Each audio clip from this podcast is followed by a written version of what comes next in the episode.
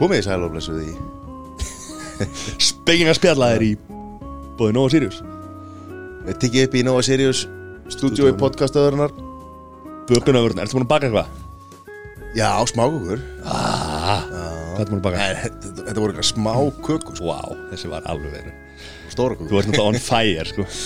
Já, já, smákukurnar og þú veist Svo er búið að vera eitthvað hendi sörur og, og eitthvað svona Aha. Helsta, já Villu dúlur Hvað er þú búin að baka mikið? Ekki neitt Borða eitthvað sem að einhver hefur bakað? Nei Hvað? Kortir jól og Þetta, ég er að, já Já, allar, uh, hérna Bökunarvörnar Já, það er að Mikið. mókast út Það er að mókast út og, og hérna Suðursúlega, heitt súkulega Já, Rómi gerir það en daginn ah. Hvernig gerur það? uh, hittar Nova Sirius súkulaði Hvernig? hvað bara í potti? Með vatnið það? nei, við- ég seti síðan hérna mjólk og, Alltaf gott að setja smá vatn fyrst. Og maður gera það? Ok, Bara lítið hendi stundum í súkulaði pottin ég var svona súkulaði potti sem hitta súkulaði sem sérstaklega. Herru, já, hérna. Þakka nú að Sirius kella fyrir.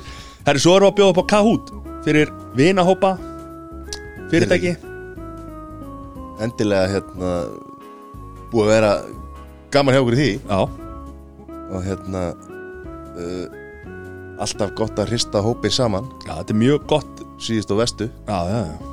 Tökum þetta á hérna Zoom eða, eða Teams. Teams. Og bara ekki hika við að heyri okkur. Bara, Já, hvernig, bara Það er bara hægt að hafa sambandi við matti at podcast.is eða sf at podcast.is eða bara henda í gamla góða síndali Þetta er gamla góða símtalið 820 824 Ekki vera að segja allir hvað er númurum mitt er maður. Já, Þetta er hvað- að heima síðan Podcast.is, sjá þetta. Herru, geggjaða gestur í kvöld. Heldur betur. Steini Skúla. Mm -hmm. uh, fjöl, fjöllistamæður Já, sagði það ekki? Já, Hún átti erfitt með að Já, pinpointa það sig. gerir svo mikið. Sem bara veist listala. Bara gjör svo vel. Velkomin, Steinei Skúladóttir. Takk fyrir. Hvað segirðu? Ég segi bara gott. Ég var einmitt að taka leggju á þann. Já, vorum að tala um hvað er, hvað er gott að leggja sig Já, Klukka hvað leggur þið? eh, bara alltaf því ég get. Skiptir ekki máli. Bara nýju morgun og það er eitthvað, ú, ég hef tíma, þá bara legg ég mig. Nei, nei, það er bara svona, þegar, hérna, þegar kallið kemur, þá, þá svara ég því, ef ég hef tökkað því. En ég er, satt, ég er í mega törn núna. Ég er sko að hérna, vinna núna 9-5 að skrifa hérna, sketsa og æfa það og setja það saman og bara eitthvað svona. Þannig að heili minn er búin að vera á yfirsnúningi í allan dag.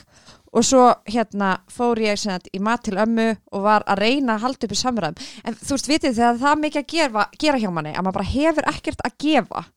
Ég var eitthvað svona satt og ég var bara eitthvað ég veit ekki hvað get ég spurt þannig ég var bara eitthvað má ég leggja mig í sófunuðinu þannig ég leði mig í sófunum og nú er ég allt önnur, nú er ég bara endurfætt Lilla veistlan Hver er þetta að fara svo að vakna? Uh, þú veist, já, myndi vilja að fara að sofa kannski bara klukkan tíu að það er náttúrulega aldrei að fara að gerast. Þannig ég fer að sofa svona eitt og vakna svona, já að ég þarf eiginlega, já, eitt. Eitt til átta? Vakna Já. átta sjö? Ef ég má ráða þá er það, þú veist, eitt til mm, tíu. Þú voru að vinna frá nýju til já, þannig að Já, ég en það ekki er, þetta er listakona. Já, Þannig að það eru mismunandi tímar. Já, stundum vinna já, kvöldin og, og þú veist, og þá kannski ekki, minna mótana. En það er fyrir að svo klokkan tíu Það er einhvern veginn já, nei, það hefur aldrei gerst. Nei, ég er bara já. svona að segja Já. ég er bara svona að setja e, e, í fullkomnum heimi, heimi. Já. nei, samt ekki, það er líka leðilegt bara er að segja klukkan það bara Nei, nei, ég fyrir að sofa klukkan 12 En þú vorst að tala um áðan að Þið finnst gott að sofa. Já. En finnst þið gott að fara að sofa? Uh, Já, já, núna. Af því að ég er hætt að hérna, ég er hætt að vera með svona mikla sko skömmi kringum það. Að fara að sofa. Er Varstu með skömmi við því að fara að sofa? Það voru ekkert eigin að ég hann að svo þetta er hashtag sem ég vil láta trenda á Twitter. Bara hættum að skamast okkar fyrir að sofa. Allir eitthvað Ó, loksins get ég talað um það, ég sef líka Ég svafi nótt what? Nei, ok, það sem ég er samt á við sko, að það er, mér finnst samt svo mikil digð, eða þú veist, oft verið að tala um bara eitthvað, já, ég svo bara í fjóra tími nótt og allir eitthvað, wow. En nú finnst mér, ég er orðin svo þroskuð, sko, að því ég er orðin 30 ára. Mhm. Það var þannig ég er orðin, takk. Að þá er ég búin að læra, sko, að það er bara ekkit gott. Þú veist, þá ert þú bara bara kortir í að fara bara í eitthvað þú veist, missa vitið og ætlar að sofa svona lítið.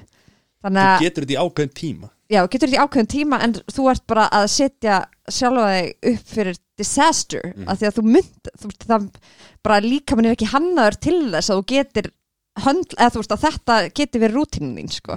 Þú sér eins og Sæður, hann er títur já, er það? Nei, ok. En sko, mannskjarnan, við erum búin að eðilegja okkur, já, það er símar. Erum við Já. komin bara, þú veist fer í síman já, og þá er bara allt í einu ef maður er búin að vera bara eitthvað, þú veist, á Twitter eða eitthvað, þú veist, eitthvað Já. fréttasíðu. Já, eitthvað, að lesa bara eitthvað. Já. og þú veist þessi, þessi ljós í augun og heilan og þetta. Einmitt. Og bara allt forritað þannig að bara láta þið skrolla að. Og við verðum að sína núna eitthvað sem að henni finnst skemmtilegt. Og Horfðirðu núna eitthvað sem að, já, social dilemma. Og ég bara fór og ég kveikt í símanum mínum Já, ég, ég skal upplýsa það en það bara að þið látið segið engum já, að ég er núna ekki búin að vera með sjónvarpin í svefnherbyggi nokkra ár Já.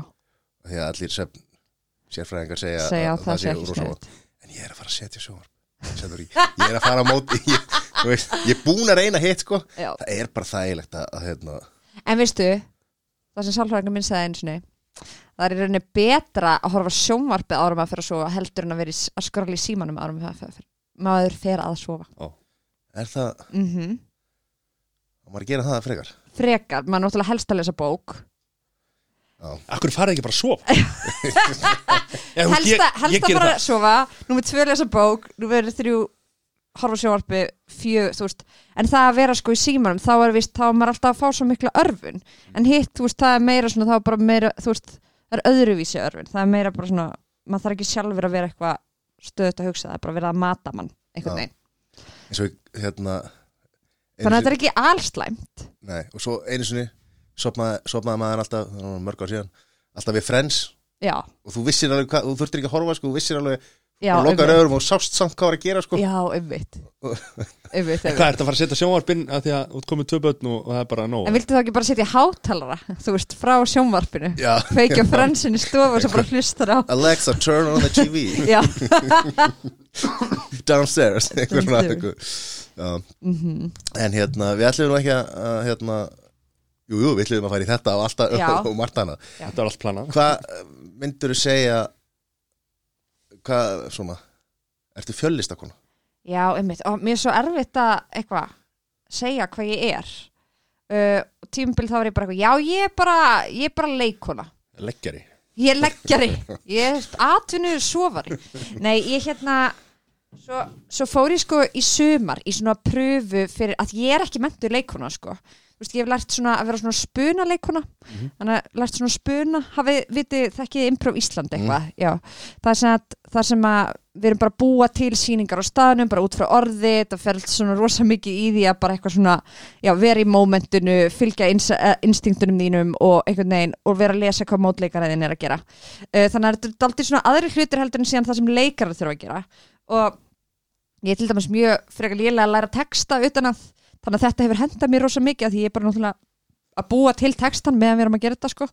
Um, svo samt í sumar þá var ég fengin í pröfu fyrir svona, þú veist alvöru sjónvarpserju og þá þurfti ég að læra texta fyrir það.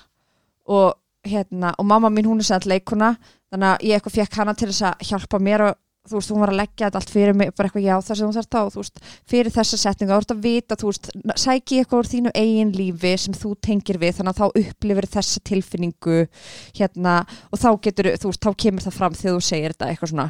Og Læ, þurfti- Lærir að læra textan Já, læra, og læra að varpa fram veist, basically að læra að vera í réttri tilfinningu í hvert skipti. Og þú veist, og ég var að gera það og þú veist, ég, þessi sena var kannski þrjárblaðsjöður eða eitthvað og ég var bara búin á því eftir á, þetta var svo mikil vinna þannig að ég var eitthvað svona ég, mér finnst ég ekki alveg meiga segja lengur að ég sé, þú veist leikuna heldur ég verði eiginlega frekar að segja þessi spunuleikuna af því að þú veist samt auðvitað þú veist, það sem ég er búin að læra það er líka alveg bara geggjað, en ég er bara ekki búin að mastera þetta. Og þú veist, þetta er alveg þryggjára háskólanum sem fólk er búið að taka í að gera þetta, þannig ég er eitthvað svona veit ekki ég ætla ekki að þú veist, henda því eins svona frjálslega fram eins og ég gerði áður Já, sko, leiklistafólk. Já, Þetta er ekkert bara að vera með einhvern geggjaðan trefil og fara að barinn á kvöldir, sko. Þetta Nei. er fullt að vinna þetta er náttúrulega mjög mikið það en nei, og latti í hátinu skilur þetta er ekki bara vín á Þetta er ekki bara kvöldi sko, mjög mikið en svo er líka þessi partur þar sem þið þurfa ekki að vinna. Já, sem er svo leiðilegt sko. Glata Nei, dæmi en þetta var sko, þetta var smá sjokk fyrir mig sem er ógæslega fyndið að pæli að því að, einmitt, sko, báði fóreldrar mínir eru leikarar, báðar ömmur mínar líka þannig ég ætti, þú veist, ég hefði átt að vita svona by now, þetta væri alveg þetta er alveg þú vinna náttúrulega komst í sköpinu 98 og 9 eða ekki? Jú, heyrðu, já, IMDb Já, 98 eða 2000 Baby, já. einmitt. Og það var svo næst þegar ég var eitthvað í grunnskóla að geta að droppa þessi að ég er á IMDb sko, eitthvað. Ljónart sko. Ég er samt með titil fyrir því, ok, sem að ég eh, var að búa til. Smíða í allan dag sko. Ok. Þú ert framkona framk, Það er, þú veist, þú kemur fram já, eins og framkoma að koma fram já. kemur fram á mörgum sviðum. Sviðum, já, Já, og, og framkoma, já, framkona? Framkona já, Hvernig finnst ykkur þetta ár? já, Mér líður þess að braga Valdimar. Mér líður þetta er ekki gott sko. Ég er eitthvað, það sér mest bara eins og ég sé að að keppa mig fram Já, eða, já. veist, bara, eða, eða jafnvel kona leikmann sér hjá fram sko. Já, Það er ekki framkona, alveg já. sko. Heyrðu. Ha? En mér finnst það það góð tilraun sko. Já. hann tók sér frí í það bara já, En hérna, áttu eitthvað svona gott cool nickname? Neiknum sko um, einmitt, ég er náttúrulega að ég er í hérna rappljómsveit Mm. Reykjavíkudætrum og þar er var mjög mikið sérstaklega í byrjun bara mikið að verða að pæla í rapparnöfnum og eitthvað svona. Og ég náði aldrei að koma mér að þetta eitthvað svo skeri uh, þannig að í rauninni á Íslandi ekki en þegar ég var skipturum í Ástralju þegar ég var, í, þegar ég var 17 ára í mennskóla þá hérna þá gáttu þau fannst þeim eða þú veist þau búa alltaf til nickname á alla í Ástralju þannig að þá fekk ég nicknameið Steza steza Já, og svo var það stitt að því að stitta nickname líka, þá var það Stez. Stas Já, það er rapparnafn mm, já ég ætti kannski bara að vera að nota það. Já, Stez, ég var eitthvað að hugsa, Stay stay school, hvað sér stay stay school. Stay, stay school. Já, það er svona Stay, stay, Stay. stay, stay, eitthvað stay. Svona, það var líka góð Einmitt. bóðskapur Krakkar, Já. stay stay school segir Stay in school. Ó, ok. Ok, ok, ég kaupi þetta. Tókst þessu að frí það sé alveg nokk ljós sko. Nei, ég, en Ástraling, gáttu þau borið fram steini eða? Já, um, fyrst bara þeir fram Steiny og svo fattaði sem að útskýra það þannig It's like you have a stain on your shirt and then the Ah. letter A Stain A. Not stain B, stain A. Og þá virkaði þetta? Það virkaði þetta. Hvernig var Ástralja? af hverju Þar, þangað? um, Mér langaði það hérna kom sem að ég var að vinna á kaffihúsi árinu áður og hérna komu einhverjir, þú veist, þetta var hvað 2006 um, þegar voru ekki túristar eins mikið á Íslandi og kom eitthvað fólk frá Ástralíu. Og þetta var heldur bara í fyrsta skipti sem ég hitt einhvern frá Ástralíu. Og ég spurði eitthvað svona hvaðan eru þið? Þegar maður var ennþá að því einhvern veginn var eitthvað þú breytast svo mikið nú maður bara eitthvað, já, já. Þú er ekki túristið þetta verður svona aftur. já, já, nei, já, við, þú veist, þetta var einhvern veginn fyrir þann tíma þegar það var bara svona ógeðslega mikið að túristum, nú er náttúrulega engin en já, við, þú veist, eins og þú veist, eins og það var orðið, þá var orðin bara eitthvað svo mikið, eitthvað svona eitthvað, já, já, ok, þetta er orðið smá mikið, þú er samt frábært og það er dýrkaða, sko, var að vinna í túristabransunum eitthvað svona. En hérna, en á þessum tíma þá var þetta þar sem maður var alltaf bara að spyrja fólk bara, how do you like Iceland? Do you like, þú veist, maður hættur að spyrja því núna, Nú segir maður bara, vætu ég heita Ísland What do you hate Iceland? Is it overpriced? Yes, sorry En hérna og þá þannig ég spurði hvað þau voru og þau eitthvað, við erum frá Ástralíu og ég er eitthvað, ha? Af hverju eru þau á Íslandi? Og þau eru eitthvað, við kíktum á hérna heimskort og bara það lengsta sem við komumst frá Ástralíu var að fara til Íslands og ég bara, þú bara Ég ætla að fara til Ástralíu þekki Toadfish og, og Susan og, og, og hérna Carl Já, Neighbors. Neighbors, nákvæmlega Það var samt það eina sem ég vissi um Ástralíu því ég fór og kengurur, já, já. skipi þannig að sjónvastættir eitthvað um, og svo eitthvað að surfa og eitthvað svona Já. Ég var í Melbourne Melbourne þar sem að Neighbors er með tekið upp Hef farið á Ramsey Street og svona, sem er reynda Já. ekki til í alvörunni en þú veist gatan það sem að er Ramsey Street innan gæsalapa Er hún ekki til? Jú, þú veist, e- Þú veist, ga- gatan er- er til Já, já. En, en það er bara eitthvað fólk, ykkur ástralar sem búa þar. Já, já, já, og þú veist gatan heitir eitthvað annað. Já. En Það er alveg skellur. Þetta er Va- svo dúbnála tíu. Það er Já. ekki til. Nei, einmitt, Grínast það Já. Vissu það? ég vissi það. Pappi minn, hann lék karakterinn í Sótum Reykjavík sem segir Dubnála tíu, á hvaða hæð? Bara svona fun fact. Já. Já, Það er velgeð En Bara því. var, var það í Ástralíu sem að þú, þú skiptir líka á einhverju tíum fótið ekki? Um, fjölskyldu? Já, Já, já, já, ég var hjá tveimur já, fjölskyldu fórstu okkur kúabú eða eitthvað? Já, það var geðvikt Var, var það satt- svona rants bara, einhverju risa Þetta var sko hjút, það voru 300 kýr á þessu kúabúi. Var það fyrir, fyrir eða setjum fjölskyldan? Það var setni fjölskyldan. Já. Fyrir fjölskyldan var geðið trúið og, og var, það var alveg þú veist, það er bara flott en þetta var samt svona þau höfðu ekki drosa mikið tím þetta var bara öðruvísi, það var svona þú veist, Maríu myndir og Jésu myndir upp um alla veggi og annar pappin var trúbóði og hún var prestur og eitthvað svona, svo áttu þau dóttur sem var hérna stelsjúk og var alltaf í svona hérna bólum ekki að svona aggressífum skilabóðum eitthvað svona I'm, I'm sad because you're fucking dumb eða eitthvað svoleiðis. Var alltaf eitthvað mm. samt þú veist, indæl stelpan. Þetta var samt bara eitthvað svona þau höfðu ekki alveg hérna kannski tök á því að fá skiptina maður en þau fengu sér tvo. Þannig að mig og stelpi frá Dóminíska liðveldinu og Þeir svo, eru illa við buð og vildi fara þá Hvað segirðu? Þeir eru illa við eða? ég hata Guð nei, ég reyndar, mér veist Guð bara, á ekkert við hann ósagt sko svo sem I don't mind him eitthvað svona, en hérna já, en þau höfðu bara ekki alveg beint tök á því að vera með skiptina með þannig að á endarum þá hérna fengu, voru við send, sendar til uh, fengum að skiptum fjölskyldu Ja, Bara báðar? Já. Já, ok hún fyrst og svo ég. Og þá bara nautakjöt í morgumat og hátæðismat og kvöldverð hérna á þessu kúabúi. Uh, nei, þau voru með sko mjólkur kúabú. Já, Þannig en það, já. En þau þurftu samt alltaf að fara og kaupa mjólk. What? Já. Alltaf spes. Já. En bændur hérna, kaupa þær ekki mjólk líka? Jú, kannski. Jú, af því að það þarf að Fjörumjólkin á eitthvað? það er vantilega að þetta þarf að fara í gegnum einhverju svona Já. skilvindu og eitthvað svona Algjörlega. Þetta er gott að vita við sem alveg Malbyggsfólki hérna var alveg Já, þessi bændur að kaupa mjólk eða- Nei, maður samt í sveitinni, þá smakkaði maður kúamjólk bara beint, beint úr kunni Já, Veit að spena. Beint úr bíli bara, Já. maður gerir það Mhm. en ég held að hann hafi verið svolítið skrítin að, eða þú veist, ekki eins og við eigum að venjast. Nei, emitt Nei. og þá var alltaf ekki komið, komið þetta hérna laktósafrít og, Já, og já, þetta, allt eins og, eins og það er í dag sko Eitthvað gerilsnitt og eitthvað Já, en Einmitt. þú hérna að þú varst, ok, þetta var reyndar ekki hérna verið að framleiða kjötarna, það er samt mjólk Mhm. uh, Varst að láta vinna eitthvað? Nei, þau Já. voru rosa ljúf og við mig af því að þau þurft alltaf að mæta þú veist kljóðan eitthvað 5-6 á mótnana til þess að fara að mjólka þau eru bara neina, nei, þú þurft ekki að gera það eitthvað, ok, ég sé fyrir mér einhvern svona svona að að bóndin hafi verið með einhvern svona góðan hatt og strá í munninum og eitthvað svona, var þetta ekki alveg einhver svona kúregi jú, jú.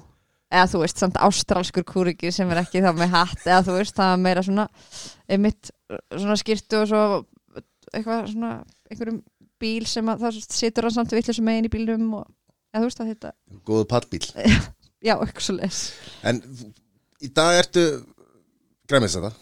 Já, eða ég reyni. Já, svona, ah, Já, ég er svo, ég er svo léleg. Nei, ég reyndi það samt líka.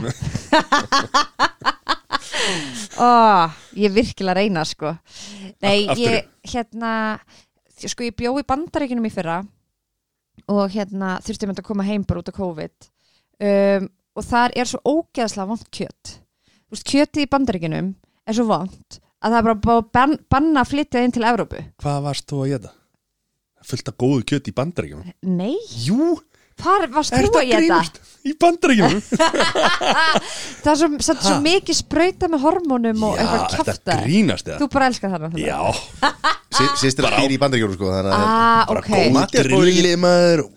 Þú veist, ég er ekki að tala um hérna sósunar og þannig og eitthvað svona hvernig það er matbú ég er meira bara við svona svona gæðin á kjötinu. Mér það allavega, ég svona fann að bara eitthvað svona ugh, ég fekk smá ógeð sem er skrítið að því að sko uppáhaldsmaturinn minn er nautastek sem er skrítið að þegar sko Bandaríkin er bara sko orginal barbecue hérna, þjóðin sko. En það er náttúrulega bara að því að gera þetta til þess að eitthvað, halda kjötinu þú veist, Hvar ekki veiku. LA Já, það er allt feik þar. In and Out Burger er náttúrulega besti hambúrgar já, hann er rosa í Bandaríkjunum alltaf já, Þú veist, miklu betri en McDonalds og, já, hann er alvöru. Burger King og, og það er svona, það er svona in and out. En já þannig að ég fekk bara eitthvað svona daldi, og þú veist ég var búin að hugsa bara já heyrðu við eigum náttúrulega öll að verða græminsætur allavega að minka við okkur í kjötáti eitthvað svona. Þannig að þetta var bara svona fullkomin tækifæri bara já nú hef ég enga afsöngum til þess að gera það ekki. Þetta kjöt, kjötum er svo vond. Þannig að þá byrjaði að vera græminsæta og ákvað svo að prófa líka að vera vegan og glúten eitthvað laus af því að glúten er ógeðana líka og svo varð ég lasin þegar ég var í Mexiko ekki út af þessu. Uh, en hérna ég held ég hefði fengið COVID sko. Þar? Já, ég var með svona hita og kuldaköstum og Var það þá einhvern veginn í voru eða? já, það var um áramótin. Já. en ég er búin að fara í mótefnumælingu og þetta var ekki COVID. Allavega, þá var það eina sem ég kreifaði þegar ég, og var með, þú veist, var óglatt og gæti ekki borðað eitthvað svona. Fyrsta sem ég kreifaði, kreifaði var kjúklinganakar af McDonalds. Þannig ég fekk mér það og eftir það var ég eitthvað ok það var eitthvað sem líka mér var að kalla á sem ég þurfti þannig að kannski ætti ég að borða pínu kjöt en bara gera það miklu minna.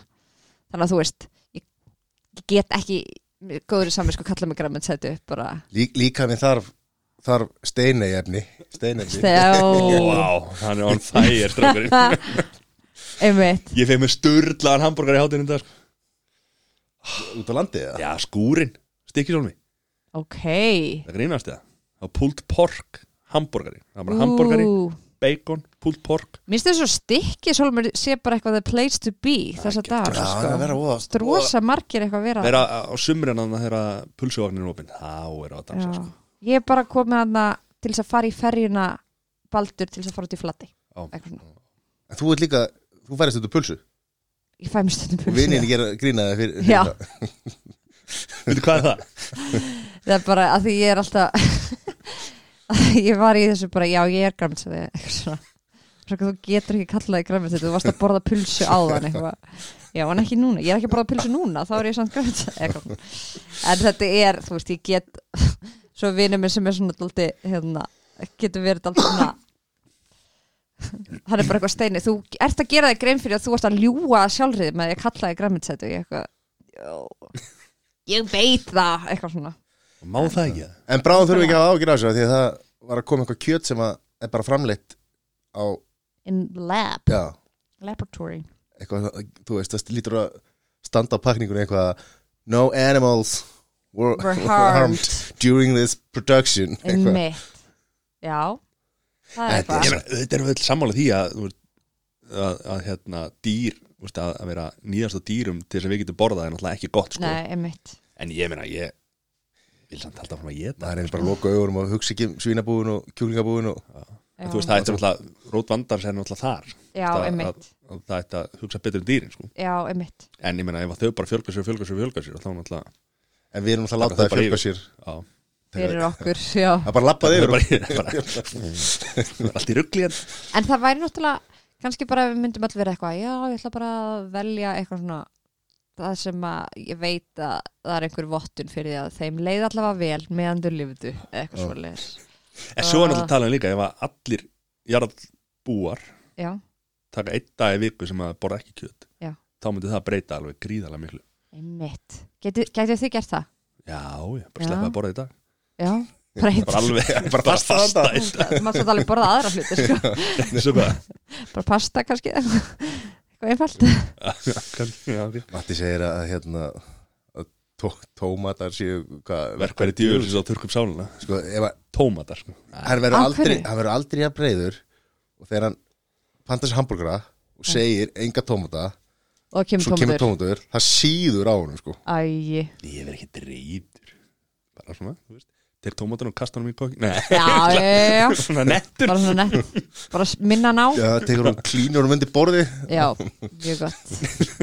Gekkja Hvað hérna Hvað varst að gera í LA? ég var að læra spuna og sketsaskrif og svona sjónvarsþáttaskrif og að vera ekki í skamdeginu á Íslandi. Varst að læra það? já, ég var að læra það læra að það væri hægt. Vastu þá hann að, hvað hva heitir þetta? Improv Hollywood eða nei, hvað heitir hann að allt improv? já, það eru alls konar sko improv leikur í LA uh, ég var í það sem heitir UCB Já, uh, Theater. Upright Citizen Brigade, já, Já. Theater. Margir stó, stórir karakterar komið það mm Mhm, algjörlega. Það er eins og hérna Amy Poehler og hún kemur úr því leikursi hérna, og margir úr eins og 30 Rock og eitthvað svona um, svo var ég líka í öðru sem heitir Groundlings. Og það koma rosa margir sem eru úr hérna Saturday Night Live eins og Will Ferrell og hérna oh my god, hvað heitir hún, Kirsten Wiig og Þar fer, ferði á svona námski og svo ferði það að halda áfram og eitthvað svona, það er svona kerfi sko. já, Allt um þetta sko. já. Hva, akkur, hvað veistu svo mikið um þetta? Nei, ég bara hlusta á mikið á amerísk podcast svona grín. Já, og þú veist, það hafa allir farið í gegnum grálings eða Einmitt, einmitt, eða UCB Algjörlega Já, þetta er rosa menningi kringum þetta nóti sko. Já. og hérna, maður finnir alveg bara og kemur ekkert er það ekki bara Dóra sem að kemur með almennilegt impro til Íslands? Jú, hún kemur með þetta fyrir sjö árum síðan Vá.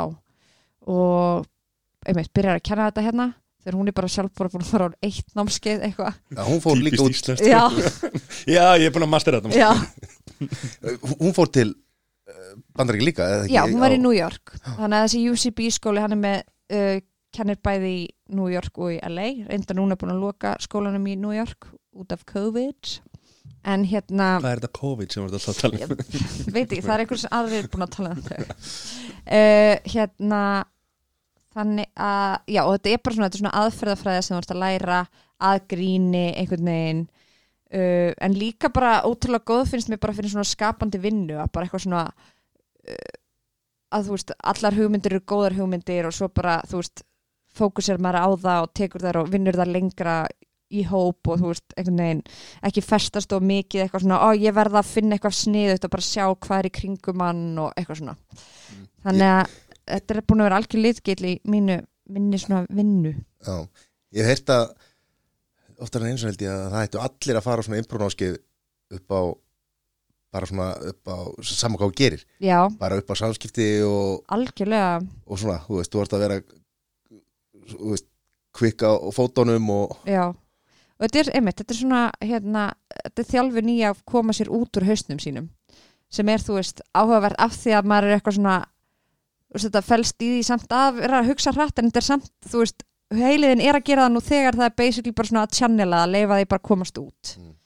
Stýra, stýra því. Já, það er bara emitt en ég, ég myndi satt að því að margir halda að þetta sé svona gott til þess að vera eitthvað svona sjálfstyrkingarnámskeið eða þú veist, eitthvað svona, já ég ætla að gera þetta til þess að koma mér út úr kassanum. Þú veist, þetta er ekki beint þannig. Þú veist, þú þarft samt að hafa viljan til þess að einhvern veginn um, þú veist, hafa gaman að þessu. Af því að annars er þetta held ég frekar, frekar óbærilegt eitthvað. Fara bara til Carnegie og leita sjálfur. Já, frekar, eða þú veist, eða, eða vilt frekar eitthvað ná að tala fyrir fram að fólk þá einmitt, frekar eitthvað svoleiðis sko.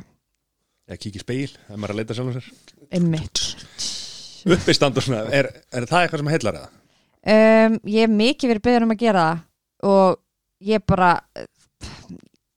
sko þegar ég byrjaði í ég hérna sett fór í ætlaði að fara í læknisfræði þannig til 2014 og þá komst ég inn í hérna sjómanstætti hraðfréttir og eftir það þá allt í einu sem að bara ég fór bara, svona umsnúningur í lífi mínu og allt í einu fór ég að vera á skjám landsmanna í viku.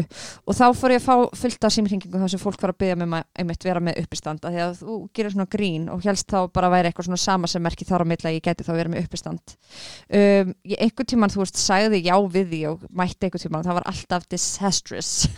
Að þú veist það er ekki að því gengi þú veist það er ekki bara þú mætir ekki bara og gerir uppistand. Þetta er ekki improv þetta er, nei, þetta er eins langt frá því að vera improv hægt er þannig En er það ekki bara, þú veist, fjöldi skipta á æfingi sem að já, þú, Fyrir uppstand. máli er þú veist, þú þarft að undirbúa þig já, þú sko. þarft að skrifa niður og þú veist, vinna grínið þitt og eitthvað svona, og þú veist, einmitt, eins og ég segi, ég er ekki uppistandari, þannig að ég get ekki sagt ykkur hvernig þetta að gera uppistand. En ég gerði aldrei þetta og ég var bara of kvíðin á þessum tíma til þess að hafa erðina og bara svona óörug til þess að hafa það í mér að setjast niður og skrifa niður, alltaf þegar ég gerði það þá bara, þú veist, þá strax bara strika, eða þú veist, þá bara svona upp, hafnaði ég því öllu og hérna og endaði alltaf á því, þú veist, ég var tók full, að mér sko fullt af svona veislustjóragiggum á þessum tíma. Ég var ókslega vel borgað. Svo var ég alltaf bara í litlu tauga áfalli að mæta því ég var alltaf búin að dæma svo mikið alla hugmyndundar sem ég var með og svo bara mætti ég þá bara eitthvað já ég ætlaði nú bara að winga þetta. Og svo var ég bara eitthvað ha ha ha eitthvað svona á sviðin eitthvað það er nú gaman. Eitthvað svona að taka þetta reyna að taka þetta á eitthvað sjarmanum og það bara virkar ekki. Þú veist þetta er einmitt, og svo er vinna uppistandarinn að láta eins og þeir sé að segja alltaf þessa brandara í fyrsta skipti og það sé alveg óöfinnilegt þeir eru búin að, þú veist eigða svo ógeðslega miklum tími í þetta að hérna og það er ekki til, þú veist það er engin tilviljun að þetta að virkar, það er bara af því að þeir hafa lagt vinnuna í það. Þannig að ég er bara eitthvað svona þú veist, ég hef ekki ennþá fundið þann neista í mér að fara og setjast niður og skrifa uppistand, þannig ég er nei, ég er ekki uppstandari. Og er ekki á þeirri brautan þá Fórst á uppistandarna í LA uh, Já, smá. Uh, Ég fór held ég bara, já, svo, já ekki mörg sko. En hérna það er alls konar, svo reyndar það er alltaf þetta svo fyndið þessi borg, þú veist það er all, alls það er alltaf open mic og eitthvað svona. Þannig að einmitt stundum var ég bara eitthvað að vinna okkur kaffi og svo allt í henni byrja eitthvað, já já það er open mic hérna, uppistand eitthvað. Það reyndar var mjög gott confidence boost að horfa á svoleiðis því að það er svo mikið af fólki sem sök það er bara fólk sem er búið að koma allstaðar í bandaríkjórum og allra meika. Já, og þá byrjar draum. náttúrulega að því bara einmitt, að því náttúrulega líka að gera það skilur Já. en þá þarfstu náttúrulega að búna að setjast niður skrifa brandarnaðin og svo þarfstu að prófa það á fólki eitthvað svona. Og það er fullt af einmitt vettvengum þarna til þess að prófa það. Um, en svo einmitt það er rosa margir lélegir. Þetta er bara eins og Hvað er þetta hérna, American Idol og svona Þegar fólk er umulegt að syngja einmitt, En Maður bara fóreldrar er búin að mata þau bara í það að Þau séu geggju sko. Já, Og þá er það þessi dómnefnd og þau Þau eru bara eitthvað að klikka Þau eru að missa af já, geggjum söngvara sko. Nei, þetta er umulur einmitt en maður er einmitt bara eitthvað, hvernig helstu var enginn sem að sagði, nei, kannski Fóreldrar er bara, ekki. já, þú ert bara, þú ert bara bestur Það Já. er bara þannig Það er bara Einmitt. geggja sko. Já, maður vorkindi Magnað, alltaf fólki sko. sem að sem greinilega gat ekki sungið og bara svona Nei. hver, það er verið að sýnda í sjónvarpi til þess að skemmta hinnum ekki, þú veist, verið að nýta sér svolítið þig einmitt, til þess að búa til skemmtun algjörlega og var engin á einhverju tímum sem sagði bara, nei, það var ekki eh, við skulum ekki vera að syngja mikið Einmitt.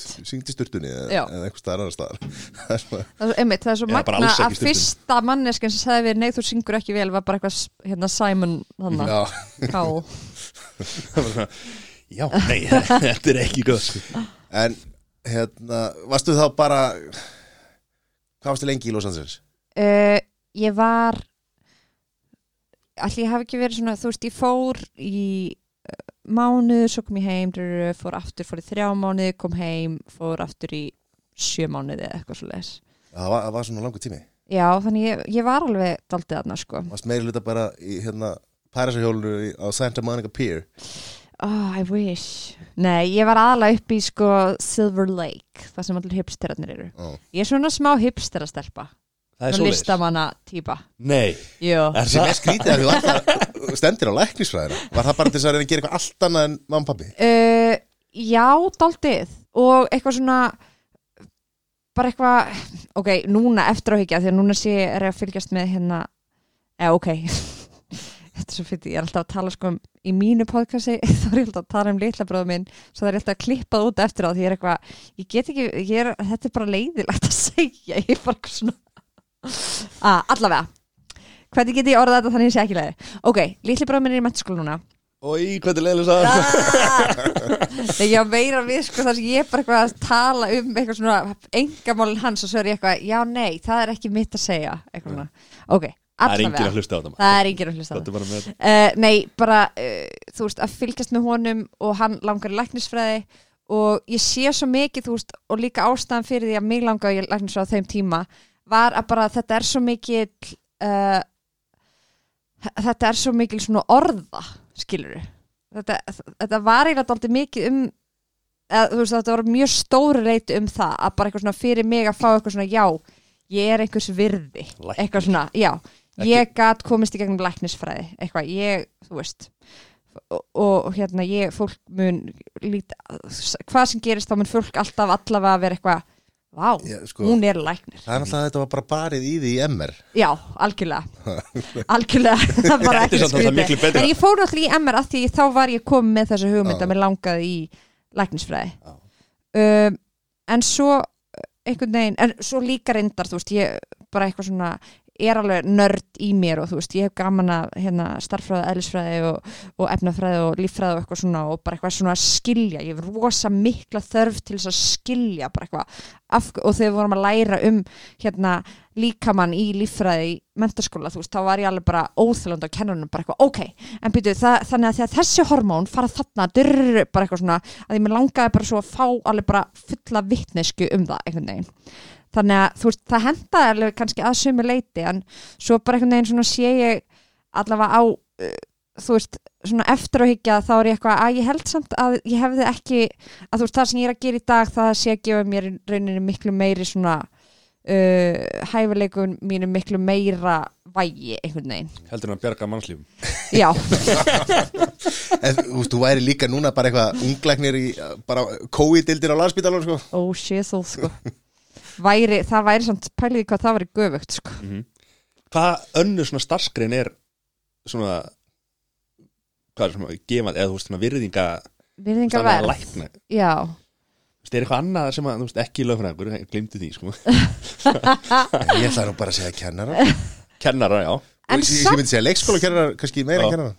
Já, en það er samt einhvern veginn Virðingin er ekki alveg þar, nei, skilju mér veist það ekki, eða þú Nei, en, en það er samt Ættu meiri virðingu þeir ættu það Já, þú en veist, við hugsunar vitum það starf Já. já, við vitum það en það er samt Mhm. mm. ekki samt, björum ekki samt það mikla virðingu fyrir því að allir krakkar í mentaskóli eru bara ég ætla að verða leikskólakennari Mhm. það er eiginlega það einhvern veginn En eru læknar rókafullir? Ég, Já. ég held að segja allir gangur á því sko. Við erum ógeðslega margir. En svo ætti þessi svo pípari ætti að vera bara Þú veist, hann kemur kannski og lagar eitthvað leka hjá Hann ætti að vera í guðatölu, sko. Já, En nei. Já, er eitthvað, er eitthvað með hendur í skólpinu það er náttúrulega geggjað sko að vera freaking innamaður, þú ert með ógeðslega góð laun alltaf með vinnu og bara fólk mun ekki aldrei láta þig í friði, bara eitthvað, það er alltaf bara setið um þig.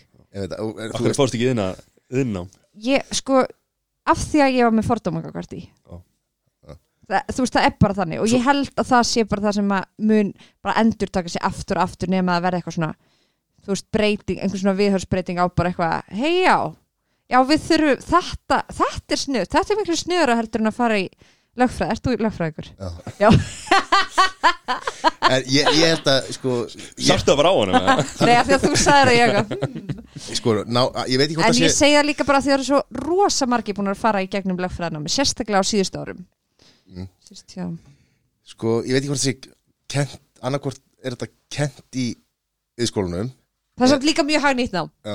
Lögfræði. Nei, ekki reyna. En það er samt ekki mikið eh, öryggi í starfi Eitthvað að þú fáir bara Líka bara, e- e- Hefur hitt skemmtilega lögfræðinga? aldrei. Tjók. Jú, mjög mörg Allir Helgason, lögmaður hittar nú upp fyrir aðra eldi á stundum á, á, Ég hef ekki hitt á ljónin og eðisturki Nei, já, þeir, eru vinir. Ari Eldjón hittaði, hann lögmaður og er, er eitthvað að fikra sig í uppstandinu. Já, og Ari er vinnur hans. Já, og Ari Eldján, það er ekkert- það er langt síðan hann hitaði upp fyrir átna, bara fyrsta giggi hans. Ég þarf að hann til að hita upp, Heru, Ari Eldján þú hitar upp fyrir. Varst að gefa þetta upp í stand á Netflix sko en, en en samt svolítið erfitt kannski að koma eftir en, en, eitthvað nei, ég ætla að segja, ég veit ekki hvort það sé kent í skólanum mm. eða hvort að yðnaðmenn séu svona með mikinn húmór eða er kunningi dagatala þegar það er alltaf, þú veist já, ég kem á, á þriðudaginn Ok, svo þegar já, skellir- á ég er aldrei að vera að koma á það er halda þetta. er kent sko. Já, það hlýtur að vera bara, bara ef þú segir þriðudag þá ertu að fara að koma sko, sko á miðugudegi þrefningu setna sko. Já. Þetta er sko hálf önn sem fyrir þetta og hinn önnin fyrir að rukka. Þú veist, og bara verðleggja og rukka. Einmitt. Og svo er hitt bara svona hvað eru, smiður, já já, þú bara hamar hérna og þú bara finnur út í það er þessu. belti það hérna er aðalega bara að vera að kenna þetta tvennt, sko. oh my god.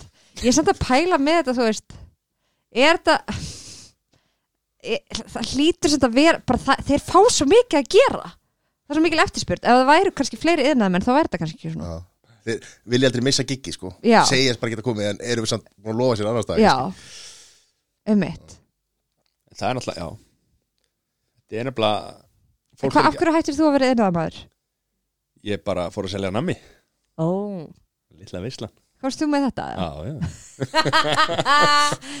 geggja það er sinna Þetta er- Krisp kannski nefna það, þetta er, þetta er Nóa Sirius Studio podcastöðurar mm.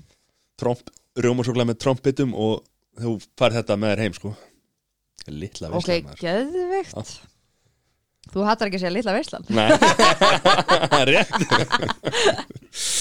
Já, Ég er að hætta því, ég, sæli ég ætla að segja með Los Angeles. Já, að því að Gulli Helga var hjá okkur um daginn. Já, hann bjó í Los Angeles 94 og 95 í alvöru? Þegar stóru skjáltandi voru 94 wow, það var hérna s- risa hérna, uh, hvað heitir þetta, eldur, skóareldar já, þú veist bara rétt hjá honum. Einmitt. Og Rodney King var lamin að lögreglunni. Og þá var ok, öll mótmælin shit. Hann, hann, hann var í Los Angeles þegar allir þessir þetta atbyrðir var. já, sem var- er alveg magna sko, já, að hafa veist, verið á þessum- á þessum tíma sko. ég hefði ég hefði næstu geta verið, en ég fór heim í mars í lók mars uh, einmitt, ef ég hefði verið eitthvað, jú, jú. Það er náttúrulega þegar ég var að fara þá var Trump bara eitthvað, heyrðu þetta er að fara að taka bara tvær, þrjár vikur. Og ég, þú veist, það var hluta mér sem var eitthvað já, ok, að því mér langaði ekkert heim en hérna en þú veist, svo móti að lesa fréttinnar á Íslandi það sem var bara eitthvað þetta er rétt að byrja, það verður önnur bylgja síðan í haust og durururu þá er eitthvað ok, ég ætla að hlusta frekar á það. Trump eða Þórólur þú varst náttúrulega að vinna við kostningaframboð Donald Trump Jú, í jú, jú, algjörlega, algjörlega. Varst með Los Angeles og feilaði. Æi. en hérna en þú veist, pæli ég samt, ef ég hefði verið áfram og bara eitthvað að upplifa þá ok, það er samt frekar leðilegt að upplifa COVID í Pontarikinu sem bara eitthvað lockdown. En að upplifa Black Lives Matter mótmælin Já. og þú veist, svo líka núna í kringum fórsetakostninga þar en Eldarnir hann Það voru Já. eldar í LA Mistir ég var ekki- já. Þú mistir að því ég mistur að því. Ég- Það var rosalegir eldarnir hann núna. Já, Já, e- ekkert svo langt síðan.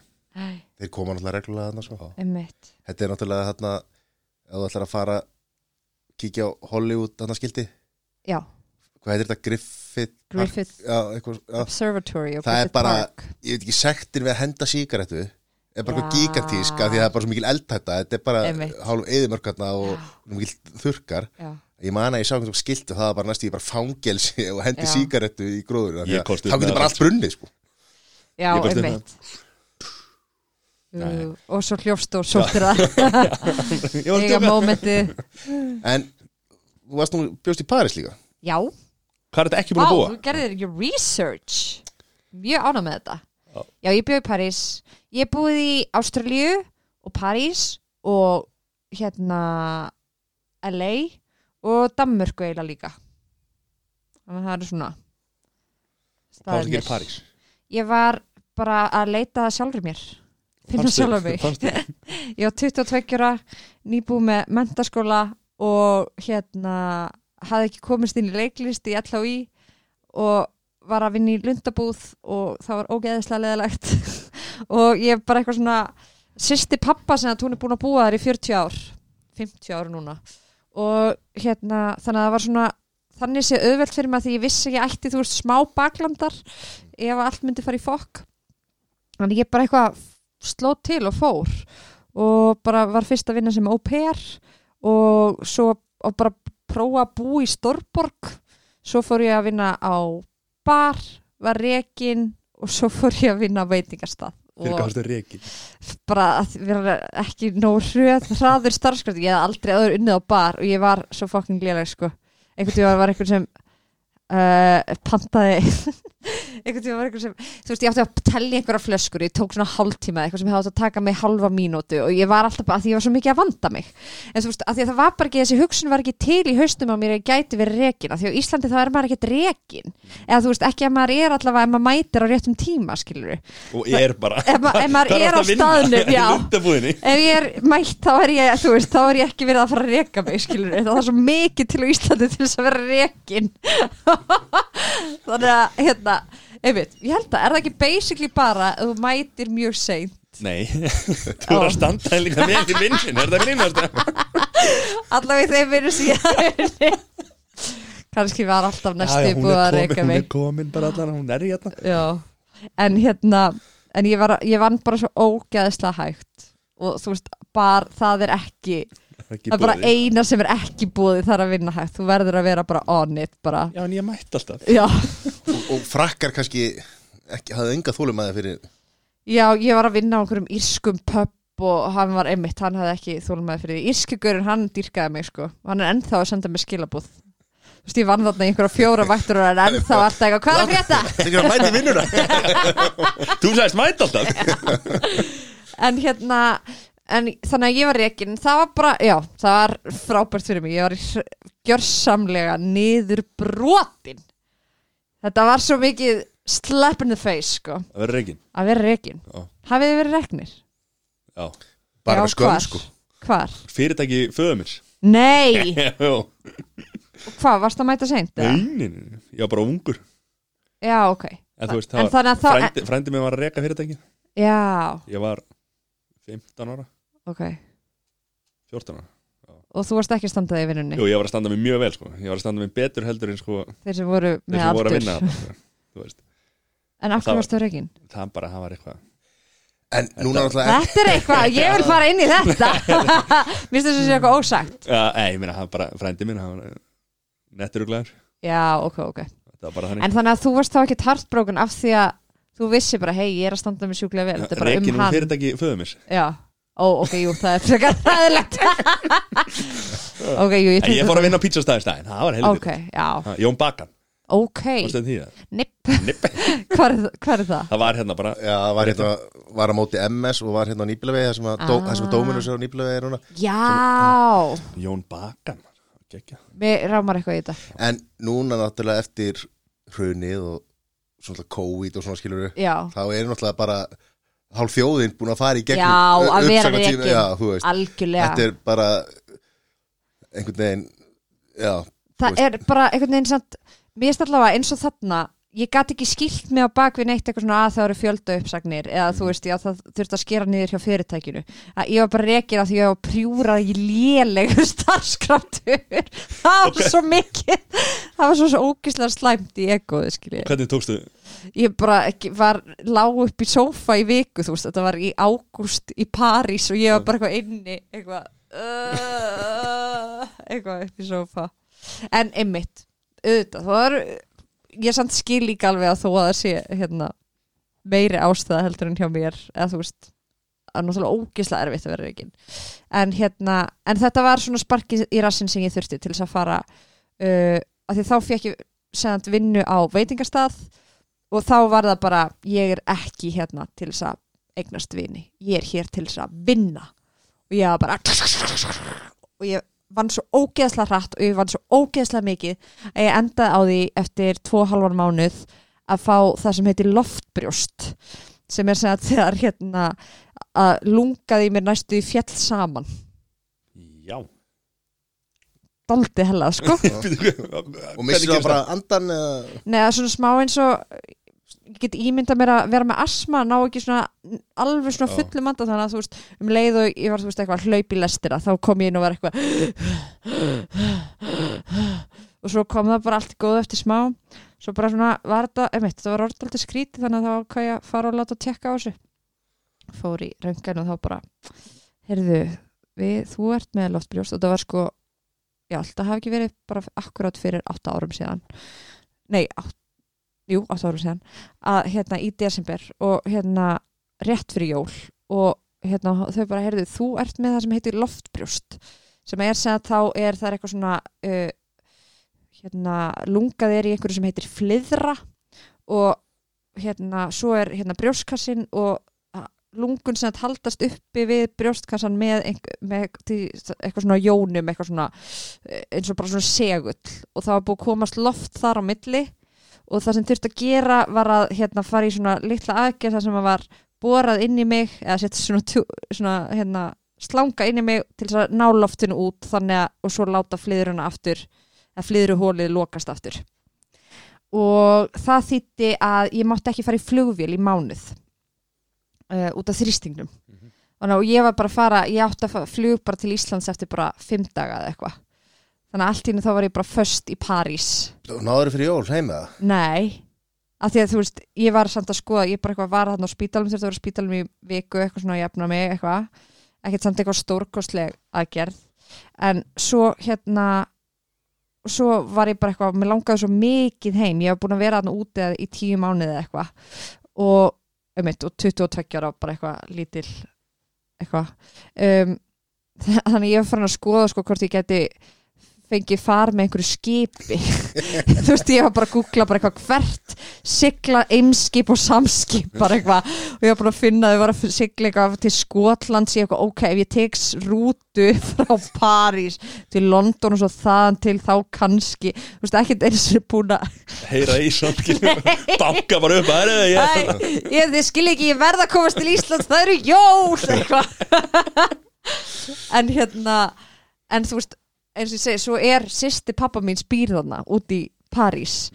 Og og stittra að fara til hennar. Já. Og það er að þú veist það var bara meikaði bara fullkomin sensu þetta bara að eyða jólinu með henni og frændsískinu mínum sem ég og gerði og það var bara indislegt sko.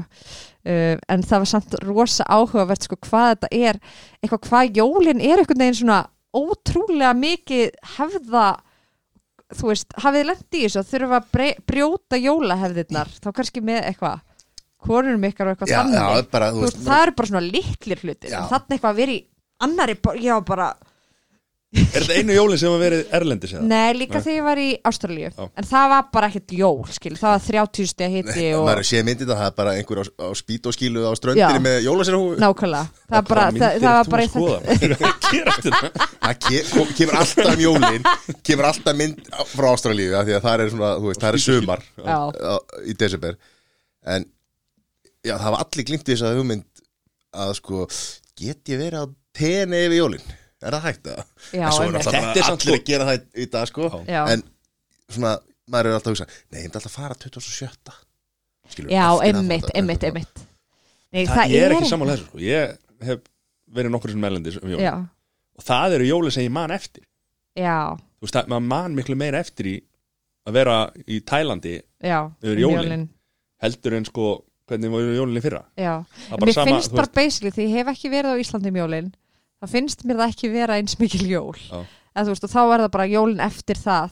Þá er ég bara með miklu meiri Mhm. jóla eftirvæntingu að þau bara ok, nú er alveg jól að koma. En sem er hvað, sem er að það er að borða kljón 6 Mhm. er þið alveg það? Krúsjál þú veist, ég fattaði bara hvað ég er ógeðslega mikill bara fasisti, jólafasisti þegar, að því að hérna, sýsti pappa, hún var svona miklu meira lípa með þetta og ég var bara eitthvað ég, ég er hérna, greið ég ég kemst ekki heim, þar að við verðum að gera þetta allt eftir mínu höfði. Messan í gráðskirkju byrjuðu sko. Bara borða kljón 6 opna pakkana, einn pakki í einu og allir verða að horfa þegar Ok. hver og einn opna pakka. Og svo eitthvað svona einmitt, svo voru alls svona litli hlutir þú veist, ég man ekki núna sem að var samt bara eitthvað app, app, app, app, app, ekki gera þetta, þetta er ekki jólahefðin eitthvað svona mamma tók alltaf sko að lesa jólakortin áður og fórum í pakkana sko. Einmitt. Langaði með að fara bara eitthvað annað þá. Þetta grínast það já þetta er bara að sigga hérna hjá það myndina. Já. það bara, hvað liðið er þetta? Pakkandi mínu er þarna. Það er- Er þetta satt svo fyndi einmitt einhvern veginn að búa til þessa ég held að ástæðan fyrir því einmitt að það þurfa að vera lesa kortin, eitt pakki einu. Það er eitthvað svona fullara fólki að reyna að endurvekja þessa ógeðslega hræðilegu tilfinningu sem var að vera bann, að býða allan daginn eftir pökkunum. Þannig að til þess að unduruplega það það þarf að vera eitthvað við ætlum ekki, við ætlum að býða ein lengur eitthvað Heldur þetta sé þannig? Já. Æ, ég er að fabulera, ég veit ekki. Nei, en svo verður þetta af því að nú er ég komið með börn sko. Þá er þetta skemmtilegt þá eru sko endalust endalust í pakkar Ó, ok. þá er ekki hægt að vera með eitt pakki þá kemur sko. bugur já, svo er það bara bjöldaginn og, og, og, og borða óholt Já, veist, já. alltaf namma jólum og svona. Mhm. og, veist, og það er allir bara þú veist, Ekki bakar gaman til þetta. Er bara kál ég og er svo mikið að fara að borða mikið kjötu fjóðir sko. Já, hérna og vaka miklu lengur Já, bara jólanótt börn er orðin alltaf bara tjúluð Oh veist, klukkan god. 10-11 á aðfóta sko. Þannig að hérna þess að Lítla veisla. Matti var já, li- Lilla hann var aldrei eftir jólórum að það er svo fullur á jólórum skilur já, Nei, það var nefnilega, hérna, ekki dáfengi jólum Eða sett ekki á aðfangata og jólata Já, Það var alveg á mammu, alveg bara. Ekkert áfengi á aðfangadag. Og jólata alveg og heldur ekki jóladag. Allan ekki með mat og eða þú veist, það var ekki Já. rauðin og ekki bjór og neitt bara jólaöl. Já, bara maltu appelsín, sko. Einmitt. Hvað drikkur er það? Við Er það eitthvað sem maður myndi vilja fá sér? Nei, það væri ekki jól. Nei, ég meina, ég slepp alltaf maltinu, sko. Fæm bara Já, appelsín, sko. appelsín, já. Já, en finnar hefð. nú er bara eftir, lík, samt eftir að ég held að Malta og Appisinu til bara allt árið í kring. Já, það er enginn sem er eitthvað "Ah, að- kreyfa." það hefur alltaf verið til, sko Malt hefur alltaf verið til. Já, Já, já, já, Malt já. og Appisín já, já, en maður drakk bara Malt og Appisinu jólunum. Þú Já. gast alveg keft Appisín og, Og malt og út í Malt búð. og sett saman. Já, mann þetta bara ekki í hug. Nei. Þetta er líka fáraleg pæling. Kaupið þið blandað maltu appelsín og drekkið það?